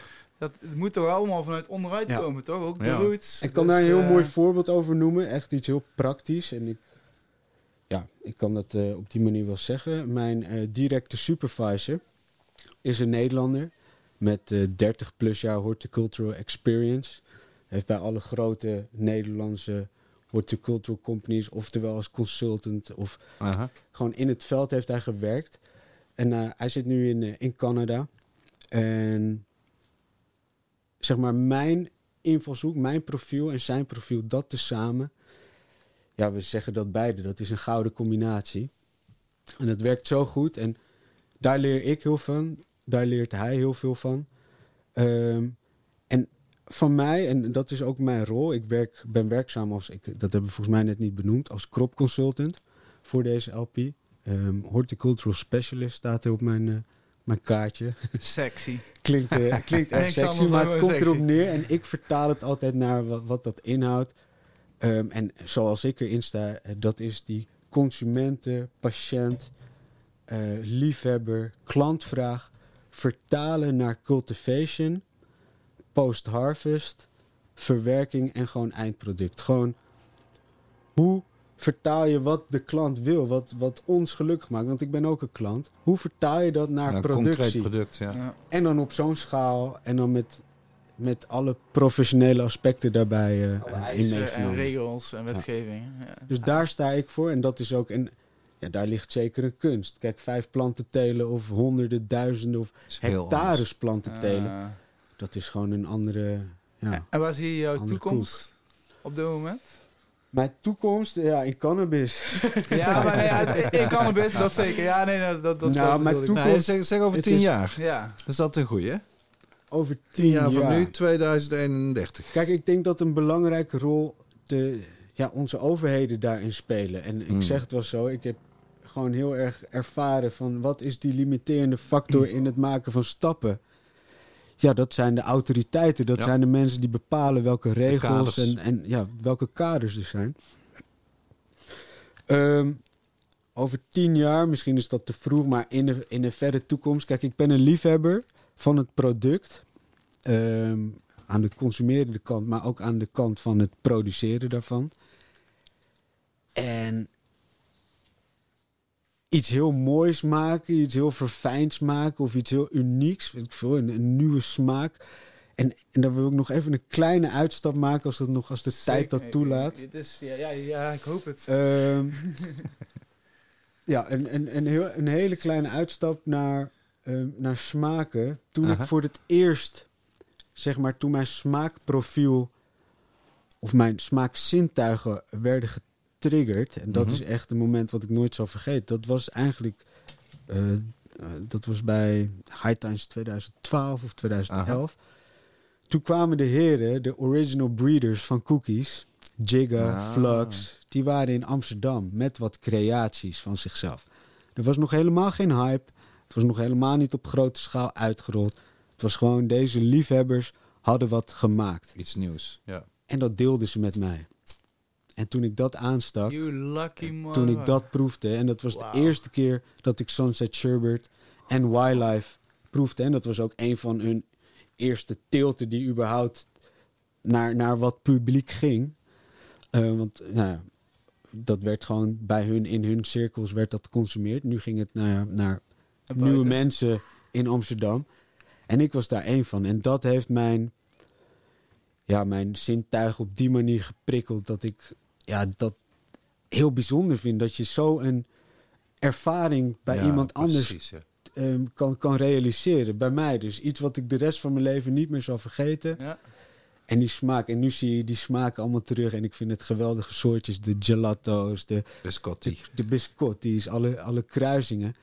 Maar die basis zit in, hey, we maken of we experimenteren en komen tot zo'n nieuw smaakprofiel. En dat is wat je eigenlijk dus zou en willen gaan zoiets doen. zou Breeder. ik wel willen doen. Nou, Ja. breeden misschien niet, want breeden is heel veel werk en ook, Ja. kan ook heel saai zijn, want je moet continu hetzelfde doen. Maar iets creëren met breeders of met juist de consument, En in de wereld iets zetten. nieuws en dat dan in de wereld. En of dat nou onder, nou, nog steeds onder de LP is waar ik voor werk. Of ja, ik weet niet hoe de toekomst loopt, Ja. maar dat, dat lijkt me iets heel moois. Iets wat ja, een toegevoegde waarde Ja, ik denk eh, aan de dat... er- herinnering aan Ashwin. eh. Ah, ja, Ja, ik denk echt dat het wel goed gaat komen in ieder geval. Ik denk, wij zullen jou in ieder geval eh, altijd blijven volgen. Hoe dan Dank ook. jullie wel. Ja, in ieder geval interessant. en ook eh, bedankt dat ik dit hier mag delen met, eh, Ja, het is fascinerend. met Ik, jullie en de Ik vond het een luisteraars. schitterende journey. ik, ga de, ik ga het programma wel aanpassen. Wegens omstandigheden, omdat we nog maar eh, 10 minuutjes op de band hebben staan. Oké dan. Dus eh, we doen nog even eh, de reacties van de luisteraars en de wijze woorden. En die, de oude doos bewaren we voor, de, volgende, keer. aflevering. Yes. Reacties van de luisteraars. We hebben eh, vorige keer gevraagd eh, voor suggesties, tips, eh, adviezen, dingetjes, onderwerpen Ideeën voor eh, die gasten. we konden behandelen. En daar heeft Ano enorm slim op ingesprongen. En ook, dit was ook eigenlijk ook een beetje het huidige thema van, dit onder, van deze aflevering. Hij zegt bij deze: Hallo Dirk Erens. Binnenkort zijn er weer landelijke verkiezingen. Zouden jullie de meest groene, vriendelijke politieke partij hier kunnen behandelen in een aankomende podcast? Wauw. Ik zou als kleine thuissteler voor eigen gebruik eens uit de growkast willen komen. Het is alweer 2021. Dus welke partij heeft het groenste hart op de juiste plek zitten? Succes met de podcast. Groetjes, Ano. Dus eh, nou, is misschien... eh, kijk, eh, de, de verkiezingen komen eraan. Dus we zullen hier waarschijnlijk de komende tijd steeds meer op gaan zitten. Absoluut. Dus we gaan jou zeker jouw vragen beantwoorden hiermee. En ik zou zeggen, prijswinnende suggesties. Zeker weten. Het gaan, prijzenpakket komt naar je toe. Wij gaan iets leuks opsturen. We hebben, hebben wij nog een boek van Steve Fleur eigenlijk? We hebben nog boek van Steve Fleur, dus Die is- sowieso sturen we die in het ja, die prijspakket is wel mee. cool. En ik denk, ik, even kijken, Seedstockers eh zal het prijzenpakket samenstellen, denk ik, voor deze aflevering. Die zullen ook een leuk zadenpakketje dus erbij doen. verwacht fijne zaden, verwacht grote vloei, verwacht een mooie cap. Ik denk misschien een t-shirtje. Wie weet, wie weet. Maar Een in ieder geval, leuke, een leuke eh, attentie. yes, in ieder geval dankjewel. En ook voor de luisteraar voor de volgende aflevering. Als je inderdaad een goede eh, verhaal of een goed idee of een, een vraag of weet ik veel wat. Een eh, sterke anekdote uit je cannabisavonturen. dan eh, stuur hem op. Wij, de leukste kiezen we elke keer weer uit. En eh, die ont- ontvangt een leuk prijspakket. Je kan hem mailen naar info met een t.nl of onderaan de comments op de platforms waar de Tea Podcast te beluisteren is bij deze aflevering. Yes. Voor een onderwerp.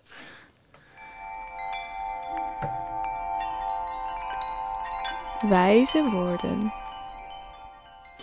De wijze woorden van deze aflevering, die heb ik gehaald, notabene, uit de Nationale Cannabiskrant. Die is er nog niet. Hij is vanaf 9 februari eh, verkrijgbaar overal eh, bij de betere coffeeshops in het land en ook bij enige growshops. En eh, een terugkerend rubriekje in die krant op meerdere pagina's zijn cannabis quotes die de redactie verzameld heeft van de krant. En eentje daarvan is aangedragen door de adviseur, eh, de 81-jarige adviseur van het VOC, meester John Rozen. Hij is namelijk een groot Gerard Reven fan. En Gerard Reven die heeft eh, van alles gepubliceerd, maar ook eh, een aantal brievenboeken. En uit een van deze brievenboeken komt het nu volgende wijze woorden van Gerard Reven over cannabis. Zo is het ook met de heksenjacht op marihuana, dat onschuldiger is dan de alcohol die overal vrij verkocht wordt. Marihuana maakt niet agressief en er is niets bekend over misdrijven tijdens of kort na gebruik van marihuana gepleegd. Het verslaaft evenmin. Bij vrije verkoop zou de hele onderwereld brodeloos worden gemaakt. Kortom, men kletst maar wat. Wijze woorden zou ik zeggen. Ik eh, vind hem prachtig. Ik eh, ga de af- aflevering afsluiten. Ik wil Esje nogmaals enorm bedanken voor Ja, eh, helemaal naar het bedankt. z- zie- zieke zuiden te komen. en eh, voor je super toffe en interessant verhaal. En Dank ik, jullie wel. Ik, eh, ik vond het in ieder geval een hartstikke leuke aflevering. Ik hoop dat eh, alle luisteraars het ook eh, leuk vonden. Eh, in ieder geval bedankt weer voor de sponsor voor deze aflevering. Stokkers. en eh Dirk weer. En onze technicus Simon voor zijn lange zit hier.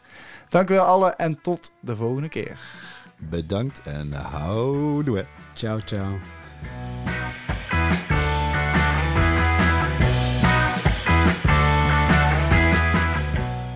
High Tea met Dirk en Rens wordt gemaakt door Dirk Bergman en Rens Hoppenbrouwers. Deze aflevering werd mede mogelijk gemaakt door Seedstockers, betaalbare cannabiszaden voor thuiskwekers, verkrijgbaar op www.seedstockers.com. Onze tune is Marijuana van de band Moon. Beluister muziek via iTunes en Spotify. Volg Tea op Instagram, at Podcast met een T, of mail ons naar info.